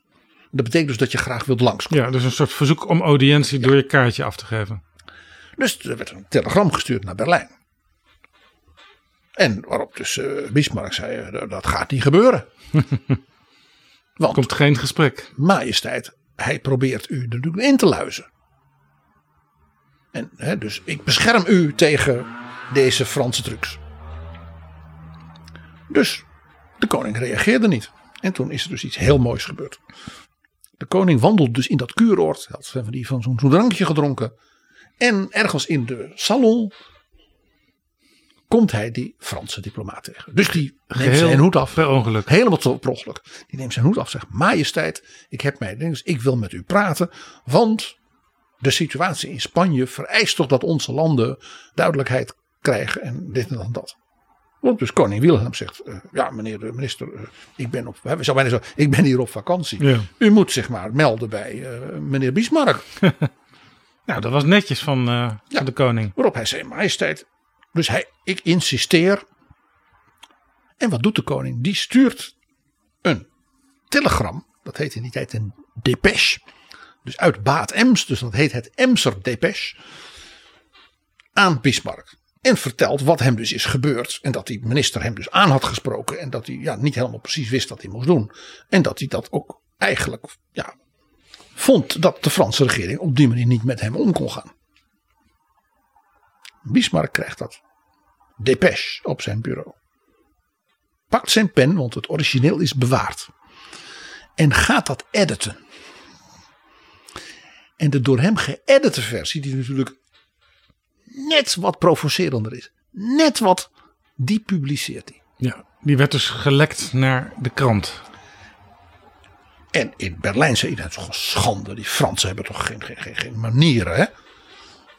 Ja, Bismarck is ook heel vervelend. Zijn de majesteit was ook hè, not amused, hè, zouden wij zeggen. Ja, Maar wat Bismarck wist, was dat het feit dat de koning had gezegd: ik sta die man niet te woord. Dat dus in Parijs, in het parlement, hè, waar dus de keizer verzakt stond. Dus dat de oppositie begon een enorm nummer te maken van de Franse eer is aangetast. En dit en dat en dat. En Frankrijk verklaart Pruisen de oorlog. Je begrijpt precies wat Bismarck wilde. Ja, hij is dus zelf niet schuldig aan die oorlog. De Fransen doen het. En kon dus zeggen tegen de andere vorsten in Duitsland, dus die leden van de Noord-Duitse Bond. Wij gaan toch nu wel als Duitse vorsten, als één man met koning Wilhelm van Pruisen. Door deze, deze beledigende eh dingen, dat, gaan, dat pikken we toch niet. Ik neem toch aan dat u allemaal mobiliseert. Maar dit was dus ook een strategie van hem, van Bismarck. Juist om de eenheid te bevorderen, de nationale eenheid van die Noord-Duitse bond.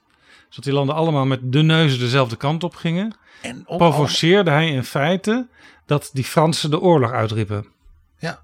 En dat betekent dus dat al die, hè, dus het Beierse leger, het leger van Württemberg, ja, dat die dus allemaal op, onder natuurlijk Pruisische generaals, eh, eh, de, de oorlog in de Elzas en in Lotharingen gingen voeren.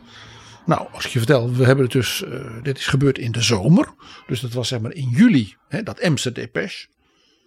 In september had het Pruisische leger, het leger van de keizer van Frankrijk, dermate in de pan gehakt en helemaal ingesnoerd bij de stad Sedan, dat de keizer daar in zijn koets is gevangen genomen door Pruisische soldaten.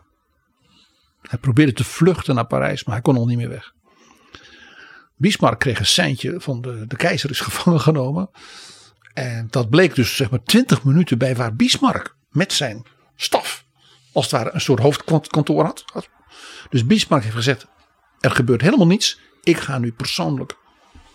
Dus dat is een, even de meest opmerkelijke momenten in de Europese geschiedenis. Dat Bismarck dus met een groep cavaleristen te paard. Hè, dus binnen enkele minuten.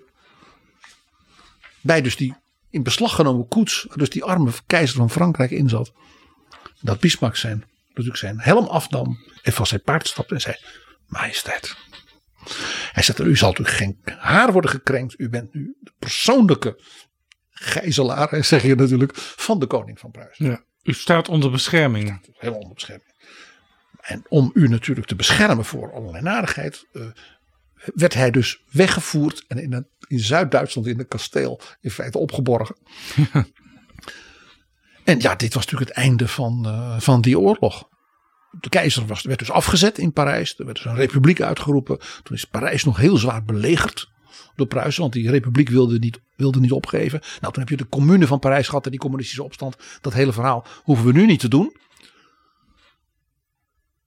Maar Bismarck had dus in negen jaar van minister-president van Pruisen met die zeg maar, illegale begrotingen.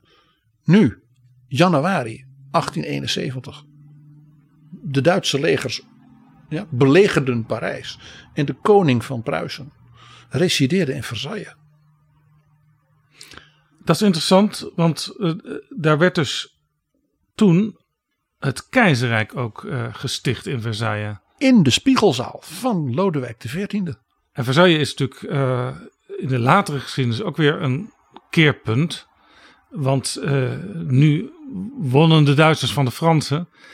maar toen de Eerste Wereldoorlog was afgelopen, toen was het andersom. En toen werd er ook in Versailles weer een contract gesloten de vrede van Versailles hebben ze dus de afgezanten van de toen republikeinse regering van Duitsland in diezelfde spiegelzaal laten tekenen. En dat is daarom. Het was natuurlijk ook een affront. Bismarck wist precies dat hij deed. Dat hij dus in die spiegelzaal van Louis XIV, de koning van Pruisen, de keizer van Duitsland liet uitroepen. Alleen, Jaap, de koning van Pruisen wilde dat niet. Wilhelm heeft geweigerd keizer te worden. Het was een man uit 1790, ja, een 18e eeuwse figuur. Die zei: God heeft geen hogere functie op aarde geschapen dan de koning, van Pruisen. Keizer van Duitsland, dat vond hij, dat klonk liberaal. Dat klonk het nationale hè, van die liberalen. Dat wou hij niet. Bismarck, ik denk dat het inmiddels wel duidelijk was, was niet voor één gat gevangen. Want die had nog dat reptilienfonds, weet je nog, dat geld. Dus die heeft één koning in Duitsland, namelijk de koning van Beieren, Ludwig II, laten uh, bewerken. Nou, Ludwig II, die kennen wij natuurlijk van al die sprookjeskastelen. En natuurlijk de grote financier van de opera's van Wagner. Die man was natuurlijk ontstellend bankroet zijn hele leven, ongeveer. En dat wist Bismarck. Dus Bismarck heeft zijn bankier, Gershon Bleichroeder, naar de koning gestuurd. Die heeft gezegd, ik stuur u mijn bankier. Die gaat eens even door uw rekeningen kijken. En dan lossen we al uw schuldproblemen op. Schuldhulpverlening. Ja. Alleen dan moet u wel deze brief tekenen. Bismarck heeft serieus dus een brief ontworpen. Die dus de koning van Beieren moest tekenen. Waarin hij namens alle andere vorsten in Duitsland als de oudste vorst. Want het huis Wittelsbach was al bijna duizend jaar op de troon in München dus aanbood aan zijn geliefde oom en broeder, de koning van Pruisen, dat hij de keizertitel overneemt. Dus hij kreeg de titel nu van zijn collega vorsten en niet van liberale professoren. Oh, en dan zou, dan zou hij het wel kunnen accepteren. Na heel veel huilaanvallen, want waar we het eerder over hadden, is hij door de knieën gegaan. En dit betekent natuurlijk dat koning Ludwig II weer heel veel genoeg geld had om al die mooie kunst en die opera's van Wagner te financieren. Ja. Zonder Bismarck en zijn geheime fonds hadden we geen Bayreuther Festspielen en al dat grote werk van Richard Wagner. Overigens, die, die huilaanvallen voor de goede orde zijn dus huilaanvallen van Bismarck. Ja. Die dus nog steeds bezig was dagelijks om die koning te overtuigen. Je wordt nu keizer. Ja. Wees blij. Ja. Ja. Wat een gedoe.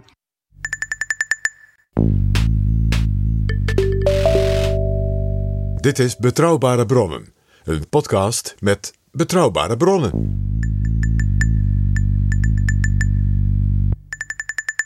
Dit was natuurlijk de wereldpers, hè? dat snap je. Duitsland is nu een keizerrijk. Frankrijk is militair nou ja, net zo vernederd als Habsburg ja, een paar jaar daarvoor. Ja, die moesten ook geld betalen aan dat nieuwe keizerrijk. Herstelbetalingen. 5 miljard gouden munten was een enorme investering in de Duitse economie daarna. Frankrijk werd echt vernederd. En ze moesten dus de provincies Elzas en Lotharingen afstaan. Meer niet, want Bismarck heeft gezegd: maak het niet te gek. Bismarck was eigenlijk tegen een al te strenge, harde vrede. Net als dus toen tegen Wenen. Die zei: we gaan niet van alles van ze afpakken. Maar nu, hier was dus een nationale, we moeten Elzas, daar spreken ze Duits, dus dat is van ons. Hij heeft dus ervoor gezorgd dat een belangrijk deel van Lotharingen niet ook werd bijgevoegd bij het Duitse keizerrijk. Hmm. Ja. Het was al erg genoeg. In het House of Commons was natuurlijk een debat over wat betekent dit voor de Europese politiek. En daar sprak een van de weinige mensen in Europa met hetzelfde zeg maar, politieke brieën en strategische gevoel als Bismarck. De prime minister Benjamin Disraeli. Waarvan wij weten, we hebben het een keer over hem gehad, dat hij met Bismarck een zeer goede verstandhouding had.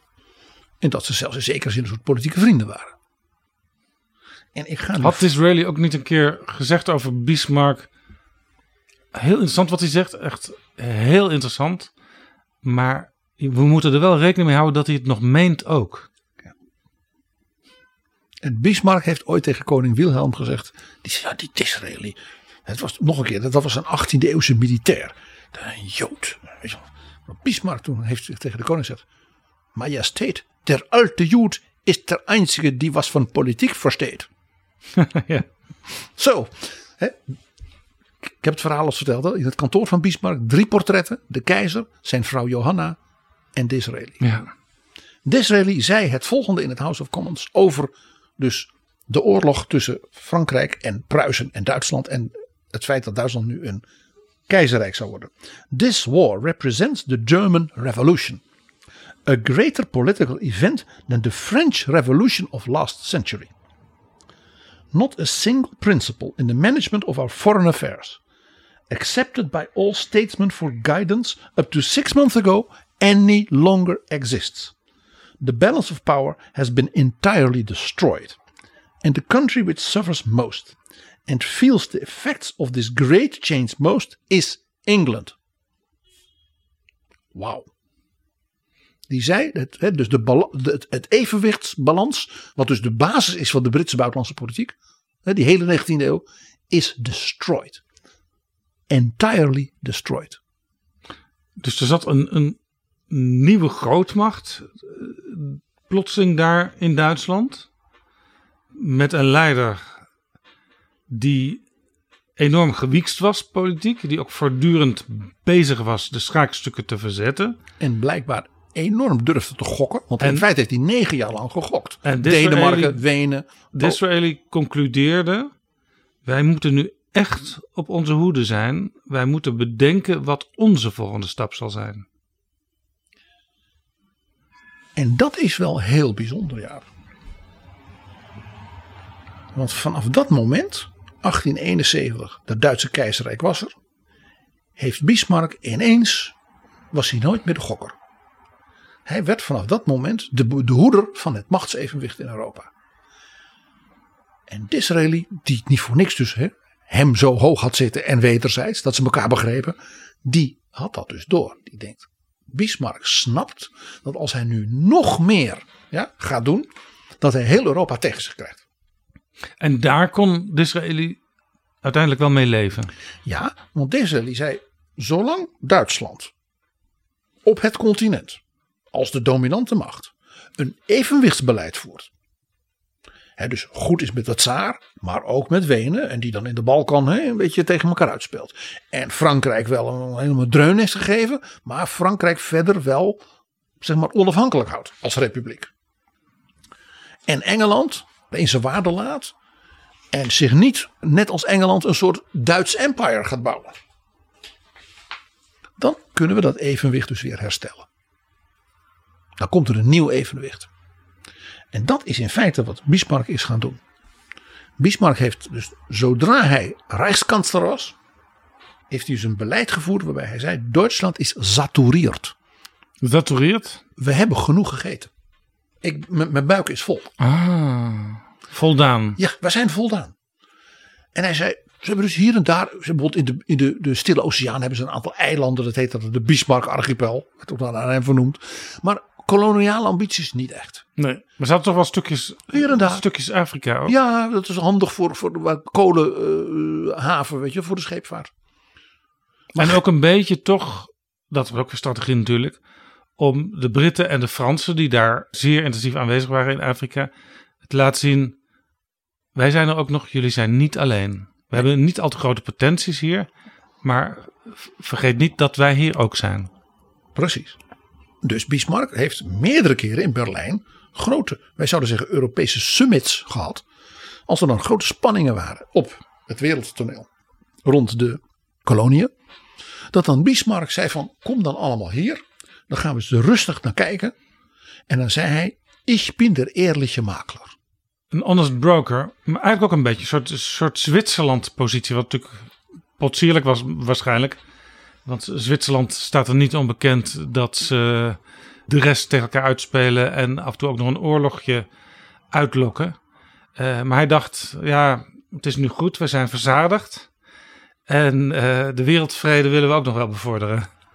Het effect natuurlijk hiervan was, ten eerste dat dus die Duitse economie, met de technologie, de wetenschap, met enorme bloei, mede ook door die herstelbetalingen die die arme Fransen hadden moeten betalen, die werden geïnvesteerd in de Duitse economie. Dus die ging een enorme bloei doormaken. Dat betekent dus Duitsland werd een groot exportnatie van machines, van alles. De hele wereld wilde dat hebben. Dus Duitsland werd heel welvarend. En dus een machtige handelsmogelijkheid. En dat was dus ook weer heel fijn voor onder andere Nederland. Denk eens even aan de aanleg van de nieuwe waterweg hè, door Torbekke. Mede, als het werd dat aangejaagd door die enorme bloei van de Duitse economie. PG, interessant. Uh, als we het over de binnenlandse politiek van Bismarck uh, gaan hebben. Hij investeerde natuurlijk enorm met al dat geld wat hij ook van de Fransen nu weer kreeg in de economie. Nou als oorlog gevoerd werd, dan gaat vanzelf de oorlogseconomie natuurlijk ook aan het werk. En dus de moderne infrastructuur. Duitsland kreeg een enorme uh, spoorwegen. Wat maar dit van belang was voor die industrie. Dus ook dat er een arbeidersklasse gaat ontstaan. Wat wij kennen als het Roergebied. Maar denk ook aan Silesië en Saxen. Dat waren hele grote industriële complexen. Met dus ook een arbeidersbevolking. Die dus van het platteland ja, naar die fabriekssteden ging. En wat het er al over gehad. Um, hij werkte samen met liberalen, maar hij was zelf geen liberaal. Hij was een echt conservatief. En een conservatief die uh, wordt altijd een beetje wantrouwend als er hele grote maatschappelijke veranderingen gaande zijn. En zeker als er naast de liberale klasse ook nog een arbeidersklasse in opkomst is. Ja, en had al die katholieken in Zuid-Duitsland in een Rijnland die die eh, hard aanpakte.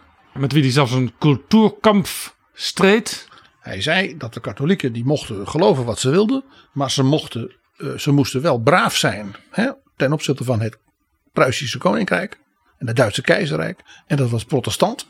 Dus als er bisschoppen waren, dan hadden die bisschoppen zich te gedragen. En die moesten eigenlijk doen wat Berlijn zei. Ja, hij vond ook katholiek onderwijs maar niks, hè, Bismarck. En uh, hij heeft dus een aantal bisschoppen, die uh, heeft hij gewoon in de gevangenis laten zetten. Omdat ze dus wel contact met de paus onderhielden. En ook dus brieven van de paus dan voor lieten lezen in de kerken.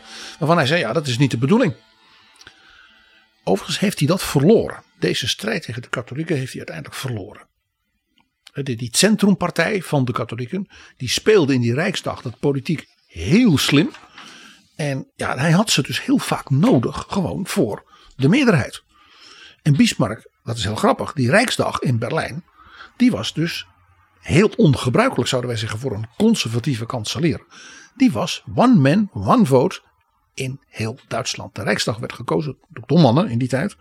Maar die hadden allemaal één stem. Ja, even het verschil dus met zoals Pruis georganiseerd was. Dat was veel autoritairder. Dat was het zogenaamd klassenkiesrecht. Waarbij ja. dus iemand van de adel zijn stem zeg maar honderd keer meer dus je zou kunnen zeggen dat, dat het Duitse, het Noord-Duitse Rijk, dat dat veel democratischer was georganiseerd dan Pruisen. was hoogst opmerkelijk democratisch. En dat kon dus gewoon tegelijkertijd bestaan. Stond die naast twee elkaar. organisaties. Ja. En omdat Bismarck, we hadden het al eerder over gehad, die genoot van het politieke spel. Dus het grappige was dat die Rijksdag, daar gebeurde een beetje wat we natuurlijk eerder in Frankfurt in die Bondsdag hadden gezien. Hij had een nationaal podium, daar kon hij in debat, dat vond hij heerlijk om te doen. En hij had dus daar een aantal mensen, zoals dus de leider van dat centrum, die katholieke partij, meneer Ludwig Windhorst, die kon hem aan in debatten. En dat vond hij dus aan de ene kant spannend, aan de andere kant ook link. Maar dat maakte dus dat daar wel tot op het bot werd gevochten om de politieke principes. Toen kwamen later de Sociaaldemocraten, die gingen dus ook via de arbeiders stemmen. Ja? Met name ook in Zaksen en in Silesië kregen die dus ook Kamerleden. En daar gebeurde hetzelfde mee. Hij ging met die mensen in debat. Ja? Omdat hij dacht, die man hield gewoon van zijn vak als politicus. Ja, maar er waren natuurlijk wel een paar dingen met dat centrum. Uh, waar Bismarck uh, niks van moest hebben. Eén, ze waren katholiek. Ja. En twee, Ze wilden een verbond met notabene Oostenrijk. Ja, natuurlijk. Die waren ook katholiek. Ja. En Wenen zat natuurlijk te stoken. Hè? Bij de, Zuid-Duitse katholieken. Dus ze moesten wel nationaal zijn, zoals Bismarck dat noemde. En dan bedoelde hij dus Duits. Hè? Niks met dat Wenen. Nou, helemaal niet met die paus. Nou, maar die sociaaldemocraten, daar was dat van ja. Kijk, ze, ze worden er gekozen, die Kamerleden, dat kan ik niet tegenhouden. Bismarck was in dat opzicht een opmerkelijke democraat voor zo'n harde conservatief. Maar hij zei ja, linkse kranten en allemaal, nee, dat gaan we verbieden. En uh, dus werden ze opgepakt. Dus hij heeft dus niet alleen bisschoppen in de gevangenis gedaan, maar ook allerlei socialistische leiders. Ja, nou staat Bismarck bekend om zijn sociale wetgeving. Dat is de andere kant ervan. Was dat ook om een beetje die sociaaldemocraten en misschien ook die katholieken de wind uit de zeilen te nemen van uh, dat is niet van jullie afkomstig, dat doe ik zelf al. Bismarck zei als we nu één Duitsland en één keizerrijk hebben, dan moet iedere burger in dat keizerrijk, die dus ook één stem heeft, hè, de mannen, die moet ook weten dat wat het is dat je bij dat keizerrijk hoort. En daarbij hoort dus dat je dus als bijvoorbeeld als, als werknemer, als arbeider, als je een ongeluk hebt gehad, dan is er een verzekering. Dat is een werkloosheidsverzekering, een ouderdagsverzekering. Hij zei dat is een soort basis waardoor iedere Duitser als het ware een fatsoenlijk leven kan leiden. En daar heeft hij dus de Sociaaldemocraten niet voor nodig. Daar heeft hij ook de paus en die katholieken niet voor nodig. Hij was in Europa een van de eerste mee, hè? Zijn sociale wetgeving is dus in heel Europa en ook in Amerika, daar is eindeloos over gepubliceerd. Economen hebben daar dus analyses van gemaakt, omdat dat dus heel nieuw was.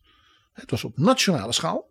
Ja, het was dus de vraag: gaat dat de staat failliet maken of helpt het juist uh, om de gemiddelde Duitser voldoende koopkracht te geven, zodat het ook weer goed is voor de economie? Nee, zijn redenering was: als dus iedere Duitser, iedere Duitse arbeider, weet dat als hem iets overkomt, dat er dan een, een, een, soort pensioen is of een, een ziektekosten ding.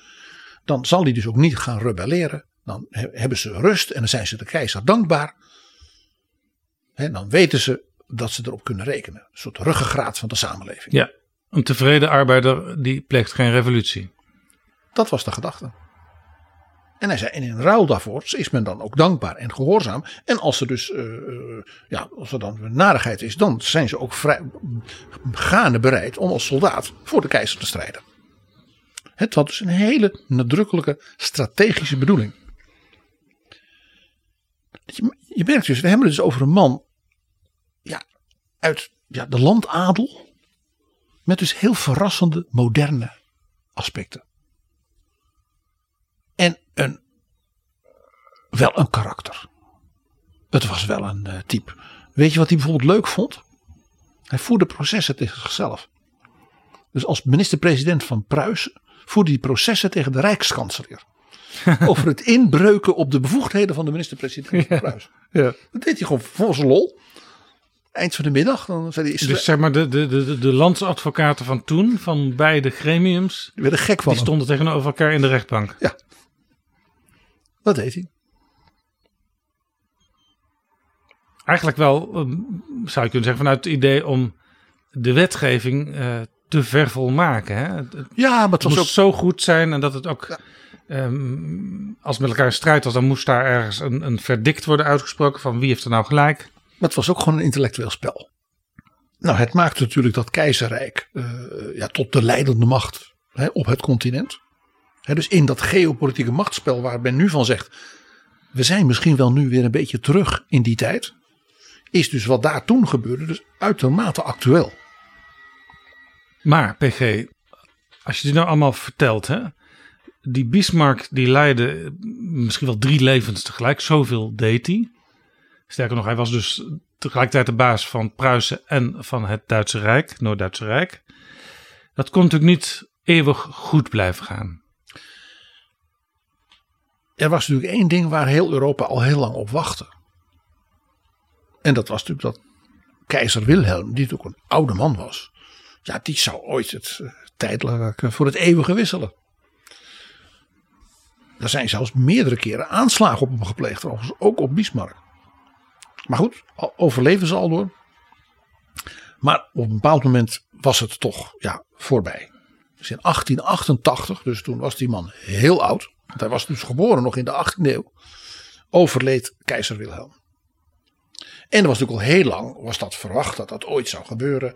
En hij had een zoon, aankomend keizer kroonprins Friedrich. Uh, die was zeer goed voorbereid op het keizerschap. Uh, dacht wat liberaler dan zijn vader, dacht iedereen. Hij was getrouwd met een Engelse prinses en had heel veel ja, sympathie voor het Britse parlementaire systeem. Dus men dacht, uh, als hij keizer wordt, dan gaat Bismarck natuurlijk eraan. Die gaat zijn eigen kanselier erbij halen. Maar ja, zijn vader werd maar ouder en ouder en ouder. En Friedrich die werd dus voorlopig geen keizer. In 1888 stierf dan keizer Wilhelm. Friedrich is 99 dagen op de troon geweest. Hij was al stervende aan keelkanker toen zijn vader overleed. Ja. En dat betekent dus dat zijn zoon, dat was dus kroonprins Wilhelm, dat die dus keizer werd. En die was nog heel jong, die was in de twintig. En volstrekt niet geprepareerd. Dat hadden ze maar achterwege gelaten, ook vanwege zijn wat opvliegende en weinig stabiele karakter. Dus toch, inmiddels toch ook hoogbejaarde Bismarck. Ik bedoel, die was 73 hè, op dat moment. Ja, was toen echt oud. Ja, en nog onverwoestbaar qua energie. Dus dat maakte het ook nog. En een enorme ervaring. Die had die jongen, waarvan ik dacht van, moet ik daarmee? Dus dat ging al heel snel niet goed. Want ja, hij had natuurlijk een groep mensen om zich heen die hem allemaal zaten op te hitsen. Van jij moet zelf gaan regeren. Je bent jong, er moet energie, Duitsland moet dynamiek. Het gaat geweldig met die economie. We moeten ook een vloot hebben, net als die Engelsen. We moeten kolonie hebben. Al die dingen van Bismarck zei dat moeten we niet doen. Wij zijn saturierd. Wij moeten dus in Europa als die grootmacht in het midden goed met Rusland, maar ook met, met, met Wenen. We hebben met, met Parijs hebben we toch spanningen, maar we proberen het goed. En wij zijn goed met de Britten, zolang wij hen niet lastigvallen met die vloot en dat empire. En zo kan Duitsland bloeien. Maar ja, deze jonge keizer die wou precies al die dingen. En die wou ook uh, populair zijn. Dus die wou bijvoorbeeld uh, die sociale wetgeving enorm gaan uitbreiden. Ja, en waarschijnlijk had hij ook adviseurs die na al die jaren onder Bismarck ook wel eens iets anders wilden. Precies, Jaap. Precies. En hij hield erg van mooie uniformen en dan toespraken houden en he, internationaal. Hij gaf dus interviews aan kranten waarin hij allemaal onverstandige dingen zei. En Bismarck heeft gedacht: ik moet deze jongeman. Ja. Dus hij heeft nog één keer gedaan wat hij daarvoor al die jaren deed. Namelijk een provocatie bedenken. En kijken of hij deze jonge prins schaakmat kon zetten. En dat is dus niet gelukt. Wat was de provocatie? Dat was de sociale wetgeving. De uitbreiding daarvan. Waarop hij zei: Ja, horen, majesteit, dat is natuurlijk mooi dat u dat wil. Dat de arbeiders meer krijgen. Maar daar is geen geld voor. Waarop hij zei: Ja, dan gaat u dat geld er maar voor maken. Ja, zei Bismarck, dat uh, kan niet. Want we hebben een begroting en die is. Uh... En toen, heeft hij, ja, toen ontstond er dus een conflict. Ja. En waar dus Bismarck zei: Het is onverstandig om dus als daar uh, schulden te gaan maken, ik noem maar zo wat, hè, om dat te doen. En dat is heel populair, maar dat gaan we niet doen. Waarop de keizer zei: Dat gaat u wel doen. En zo kwamen die twee in botsing. En ja, dan is de keizer toch de keizer. Ja. Dus de hoogbejaarde Bismarck, die nam ontslag. En hij is daarna nog acht jaar op aarde gebleven. En dat hebben ze geweten in Berlijn. Want hij was dan wel oud, maar hij was nog niet der dagen zat. Bismarck heeft op een verschrikkelijke manier wraak genomen. Hij ging ten eerste zich laten uitnodigen om overal geëerd te worden. En dan moest hij toespraak houden natuurlijk. Een dankwoord hè, tot de burgers van, de, van, van, van Düsseldorf. Wat ze in Maastricht een volksadieu zouden noemen. Ja, en dat hij heeft dus jarenlang volksadieu's gehouden. En die toespraken, ja, hij was natuurlijk een briljant spreker. Hij was natuurlijk uh, ja, zeer wel bespraakt. Dus die toespraken stonden natuurlijk al detail in alle kranten. En daar stonden natuurlijk allemaal opmerkingen in die natuurlijk helemaal niet politiek bedoeld waren, maar ondertussen. Dus de regering in Berlijn van zijn opvolgers en die keizer, die deden het al door in hun broek. Als ze dus hoorden, Bismarck spreekt volgende, volgende week bij een huldiging die hij krijgt in Braunschweig. En dan weer een maand later in Danzig. En dan weer een maand later in Breslau. Hij reisde dat hele keizerrijk rond. En zo bleef hij natuurlijk relevant. En een factor. Wat hij natuurlijk gewoon leuk vond. Want dat was een politiek dier. Ja. Hij kon niet zonder. Een politiek dier, maar hij heeft nooit een politieke partij opgericht. Nee, hij was de dienaar van de koning. En daarmee stond hij als het ware ook zelf boven de partijen. Je moet maar durven. En hij heeft ook nog postume wraak genomen. Dat is echt wraak. Hij was nog niet dood. Of er verscheen, en ik heb het hier bij mij, Jaap, Ik zie jou met drie boekdelen zwaaien. in Pruisisch blauw en goud. Gedanken und Erinnerungen von Otto Fürst von Bismarck. Eerster band en tweiter Ja. band. Stuttgart 1898. Dus Meteen na zijn zijn dood. memoires. Die lagen klaar. Maar ik zie ook, het zijn twee blauwe delen en één deel met een zwarte kaft. Ja, dat is een ander soort blauw. En dat is ook minder mooi en minder chic papier. Want dat is veel later verschenen, namelijk na de Eerste Wereldoorlog. En ja, toen hadden de uitgevers in Duitsland niet meer zo heel rijk. Hè, toen konden de mensen ook niet meer zoveel geld betalen. Dus dat is een wat goedkopere editie van het achterwege Maar ongeveer deel 25, 3. 25 jaar nadat die eerste twee delen verschenen. Ja. De familie heeft tegen de uitgever gezegd toen dus die memoires verschenen. Laat dat laatste gedeelte maar weg. Want dan krijgen, daar gaan we problemen mee krijgen. Wat stond daar dan in? Dat gaat over zijn ontslag. Dus over de laatste jaren van keizer Wilhelm, de dood van keizer Friedrich en de nieuwe jonge keizer. Het Dus is- daar staat heel netjes in eh, dat hij de begrotingspolitiek van de keizer afwees. Nee, niet netjes. Het is een vernietigend portret. Het is werkelijk echt gewetenloos hard Lees eens iets voor. en briljant geschreven. Ook dat nog. Lees eens een stukje voor, PG. Nou, ik zal eens even een pagina zoeken. Ja. Ja, hier. Bladzijde 125. Hij beschrijft en detail. Dus zijn communicatie met de jonge keizer. Hij publiceert hierin ook gewoon bijna woordelijk. De discussies in de ministerraad en wat dan niet. Dus geen enkele terughoudendheid. En komt dan op het moment dat als het ware zijn aftreden niet meer te vermijden is met een hoofdstuk en dat heet de vergelijkende karakteristiek met zijn voorvaderen.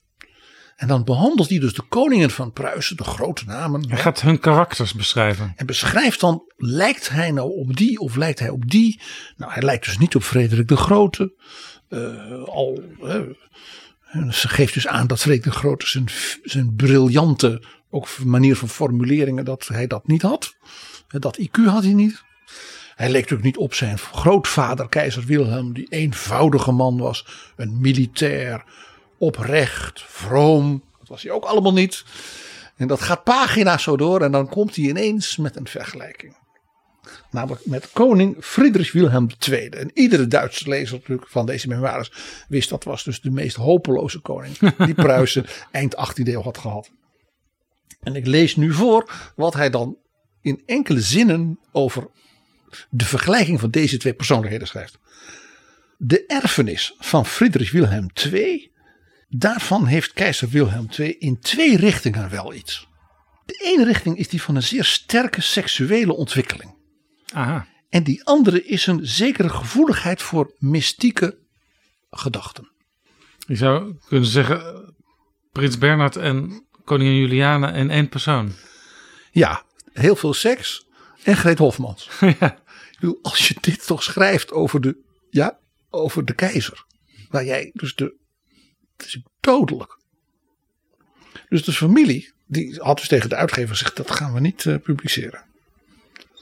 Dus die delen 1 en 2 van de memoires, die eindigen ook met een soort beschouwing over de grondwet van het keizerrijk van Want die familie die 1871. dacht, dan krijgen we gedoe met de keizer. Ja, natuurlijk.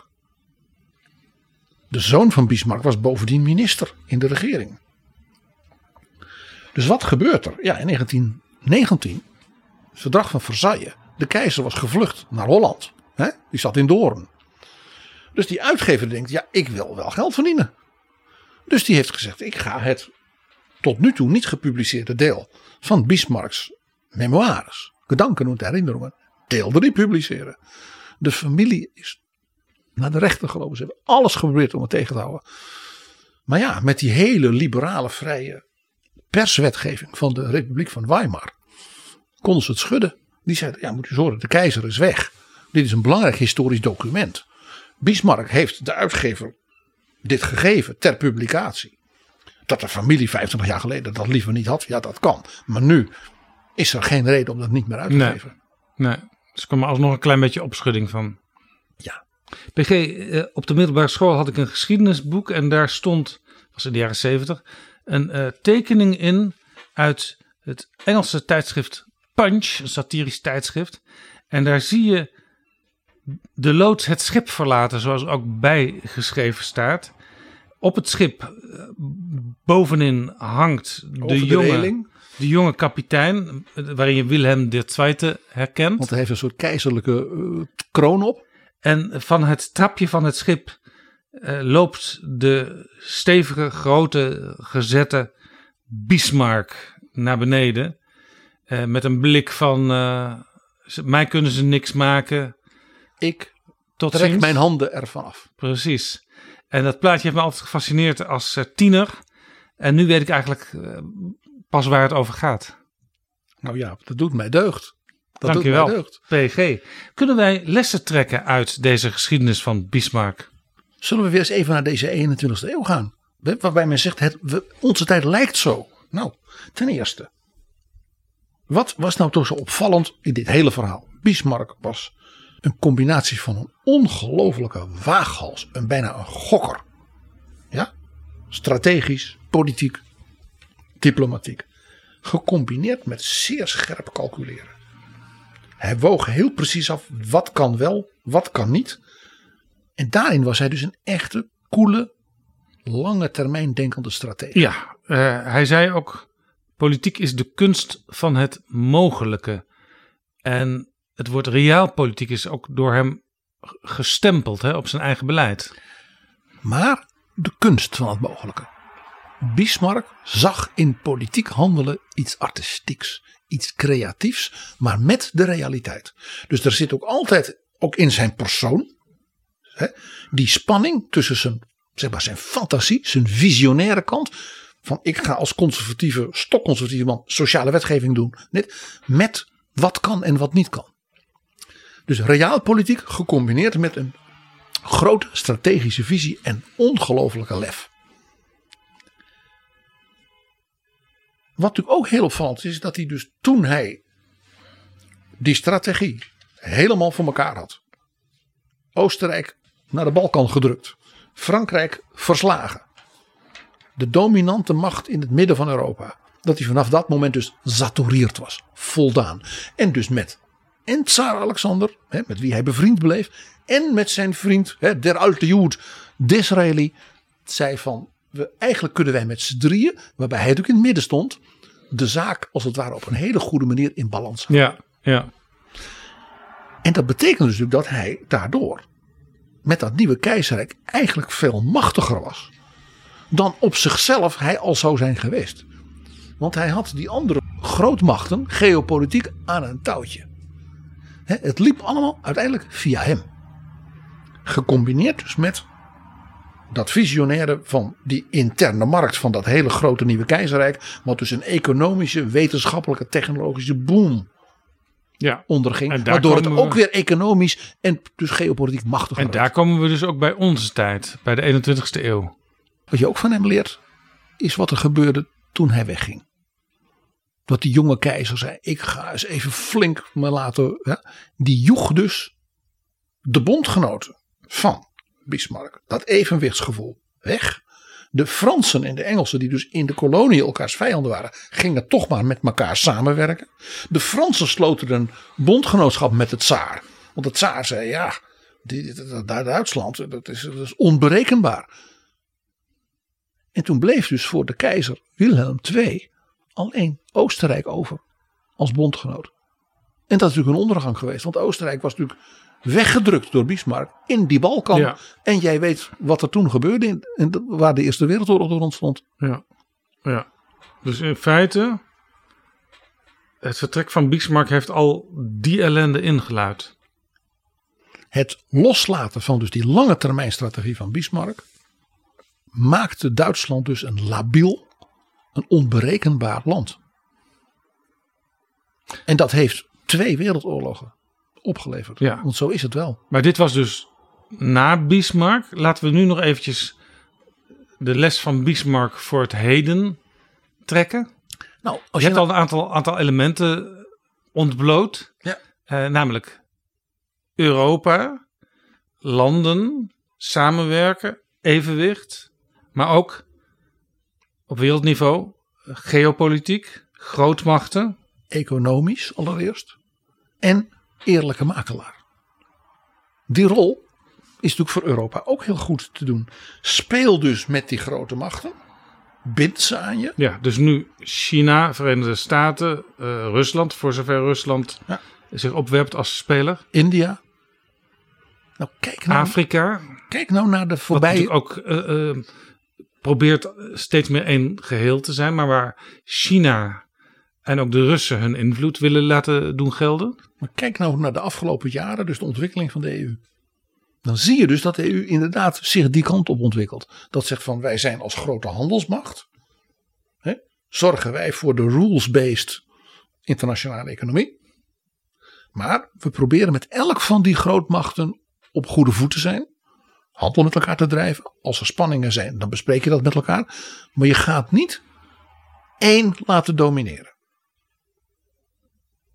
En als er dus zo'n grote mogendheid, zoals nu Rusland, als het ware dus inbreekt in dat evenwicht, dan moet je een alliantie hebben van de anderen om dat tegen te houden en misschien wel terug te draaien. Ja, Maar altijd is dus het interessante bij Bismarck het herstel van een constructief evenwicht is het doel daarvan. Niet Ja, en je hegemonie. ziet- En je ziet bij, maar dat is misschien nog een keer een aflevering van Bronnen apart. Je ziet bij de houding van Europa jegens China, zie je ook dat Europa zich niet eh, helemaal wil verbinden met de Verenigde Staten. Die natuurlijk keihard eh, naar China zijn op dit moment. Eh, maar dat vindt Europa ook weer gevaarlijk om je zo te verbinden met één andere grootmacht. En dat is dus precies waar ik op wilde wijzen. Dat Europa als het ware zijn plek. Een beetje dus als het nieuwe keizerrijk van Bismarck. Dus moet vinden in de verschillende verhoudingen van die verschillende machten tegenover elkaar. Ja, Dus je ziet dat men wel zegt van we moeten met China blijven samenwerken. We moeten met goede relaties met ze hebben. Maar we moeten ook zeggen let op. Dat wel, dat niet. Ik vond het heel opvallend dat eh, president Macron zei ik ga naar Xi Jinping en ik neem Ursula von der Leyen mee. Dat was nou zo'n voorbeeld eigenlijk van hoe je dus als Europa op dat wereldtoneel een beetje 19e eeuws aan het werk gaat. Ja, en wat we natuurlijk ook hebben sinds kort is de Europese politieke gemeenschap, waar Europa, de Europese Unie, een soort krans om zich heen organiseert van niet EU-lidstaten, maar wel Europese landen. Bevriende naties. Die, eh, geschrokken natuurlijk ook door wat Rusland allemaal aan het uitspoken is, denken van ja, het is toch wel verstandig om toch inniger samen te werken eh, met z'n allen. Met dus dat bijna Bismarckiaanse aspect. Hou evenwicht. Dus blijf bij elkaar. Laat elkaar daarin niet los. En voorkom dat een van die geopolitieke grootmachten een soort hegemoniale macht wordt. Dus Bismarck zei: wij zijn saturierd. Hè, om te voorkomen dat Duitsland een hegemoniale macht zou worden. waar iedereen zich tegen zou keren. Wat dus gebeurde tegen keizer Wilhelm II uiteindelijk. Ja, tot slot PG nog even, dat verbaast eigenlijk dat je daar zelf niet over begonnen bent. Eh, maar die hele Bismarck-periode, dat, dat keizerrijk, dat is ook de periode waarnaar de putschprins terugverlangde met al zijn eh Rijksburger die onlangs eh, gearresteerd zijn en waar nu ongetwijfeld een proces wacht. Ja, hier zie je dus de romantiek van dat soort politieke bewegingen. Die projecteren dus op dat Bismarckiaanse keizerrijk een soort droom van aristocratische macht. Waarvan ik dus in feite zeg, het meest opvallende van Bismarck is juist, zijn moderniteit. In heel veel opzichten. Dat is ook een beetje, eigenlijk het, een beetje het zielige van dus zo'n poetsprins. Die leeft dus in de 21ste eeuw in een illusie van die 19e eeuw. En ja, we kunnen natuurlijk uh, niet eindigen. Ik zei al, het is aan Bismarck te danken met dat reptielenfonds. Dat koning Ludwig II van Beieren genoeg geld kreeg om zijn grote vriend Richard Wagner toch weer te financieren. Zodat hij ook de Bayreuther Festspielen, de enorme tekorten die daar altijd waren, dan toch maar aan het eind weer kon vergoeden. Dus we eindigen deze editie dan ook met de ouverture, die Meisterzinger van Nuremberg van Richard Wagner.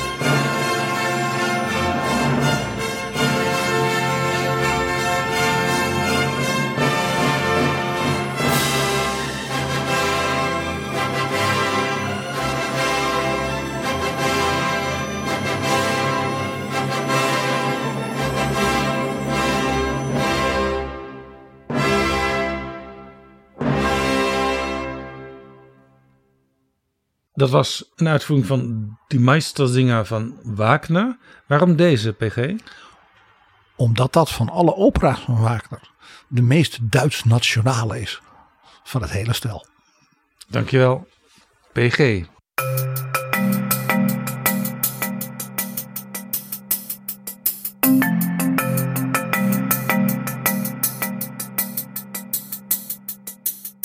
Zo, dit was Betrouwbare Bronnen, aflevering 339. Deze aflevering is mede mogelijk gemaakt door onze donateurs, de vrienden van de show. Wil jij ons ook helpen met een donatie? Eenmalig of structureel? Kan allebei. Ga dan naar vriendvandeshow.nl/slash bb en we zijn je eeuwig dankbaar. En helemaal tot slot. Ik zie PG kijken, wat gaat hij nou doen? Wil ik ons luisteraar Andrea Boekhorst citeren, die ons deze week schreef. Ik kijk altijd uit naar de volgende aflevering van de heren PG en Jaap met hun zoetgevoisde stemmen die betrouwbaar en gedegen hun licht schijnen op een onderwerp. Heerlijk, heerlijk, heerlijk. Tot volgende keer. Betrouwbare bronnen wordt gemaakt door Jaap Jansen in samenwerking met dag en nacht.nl.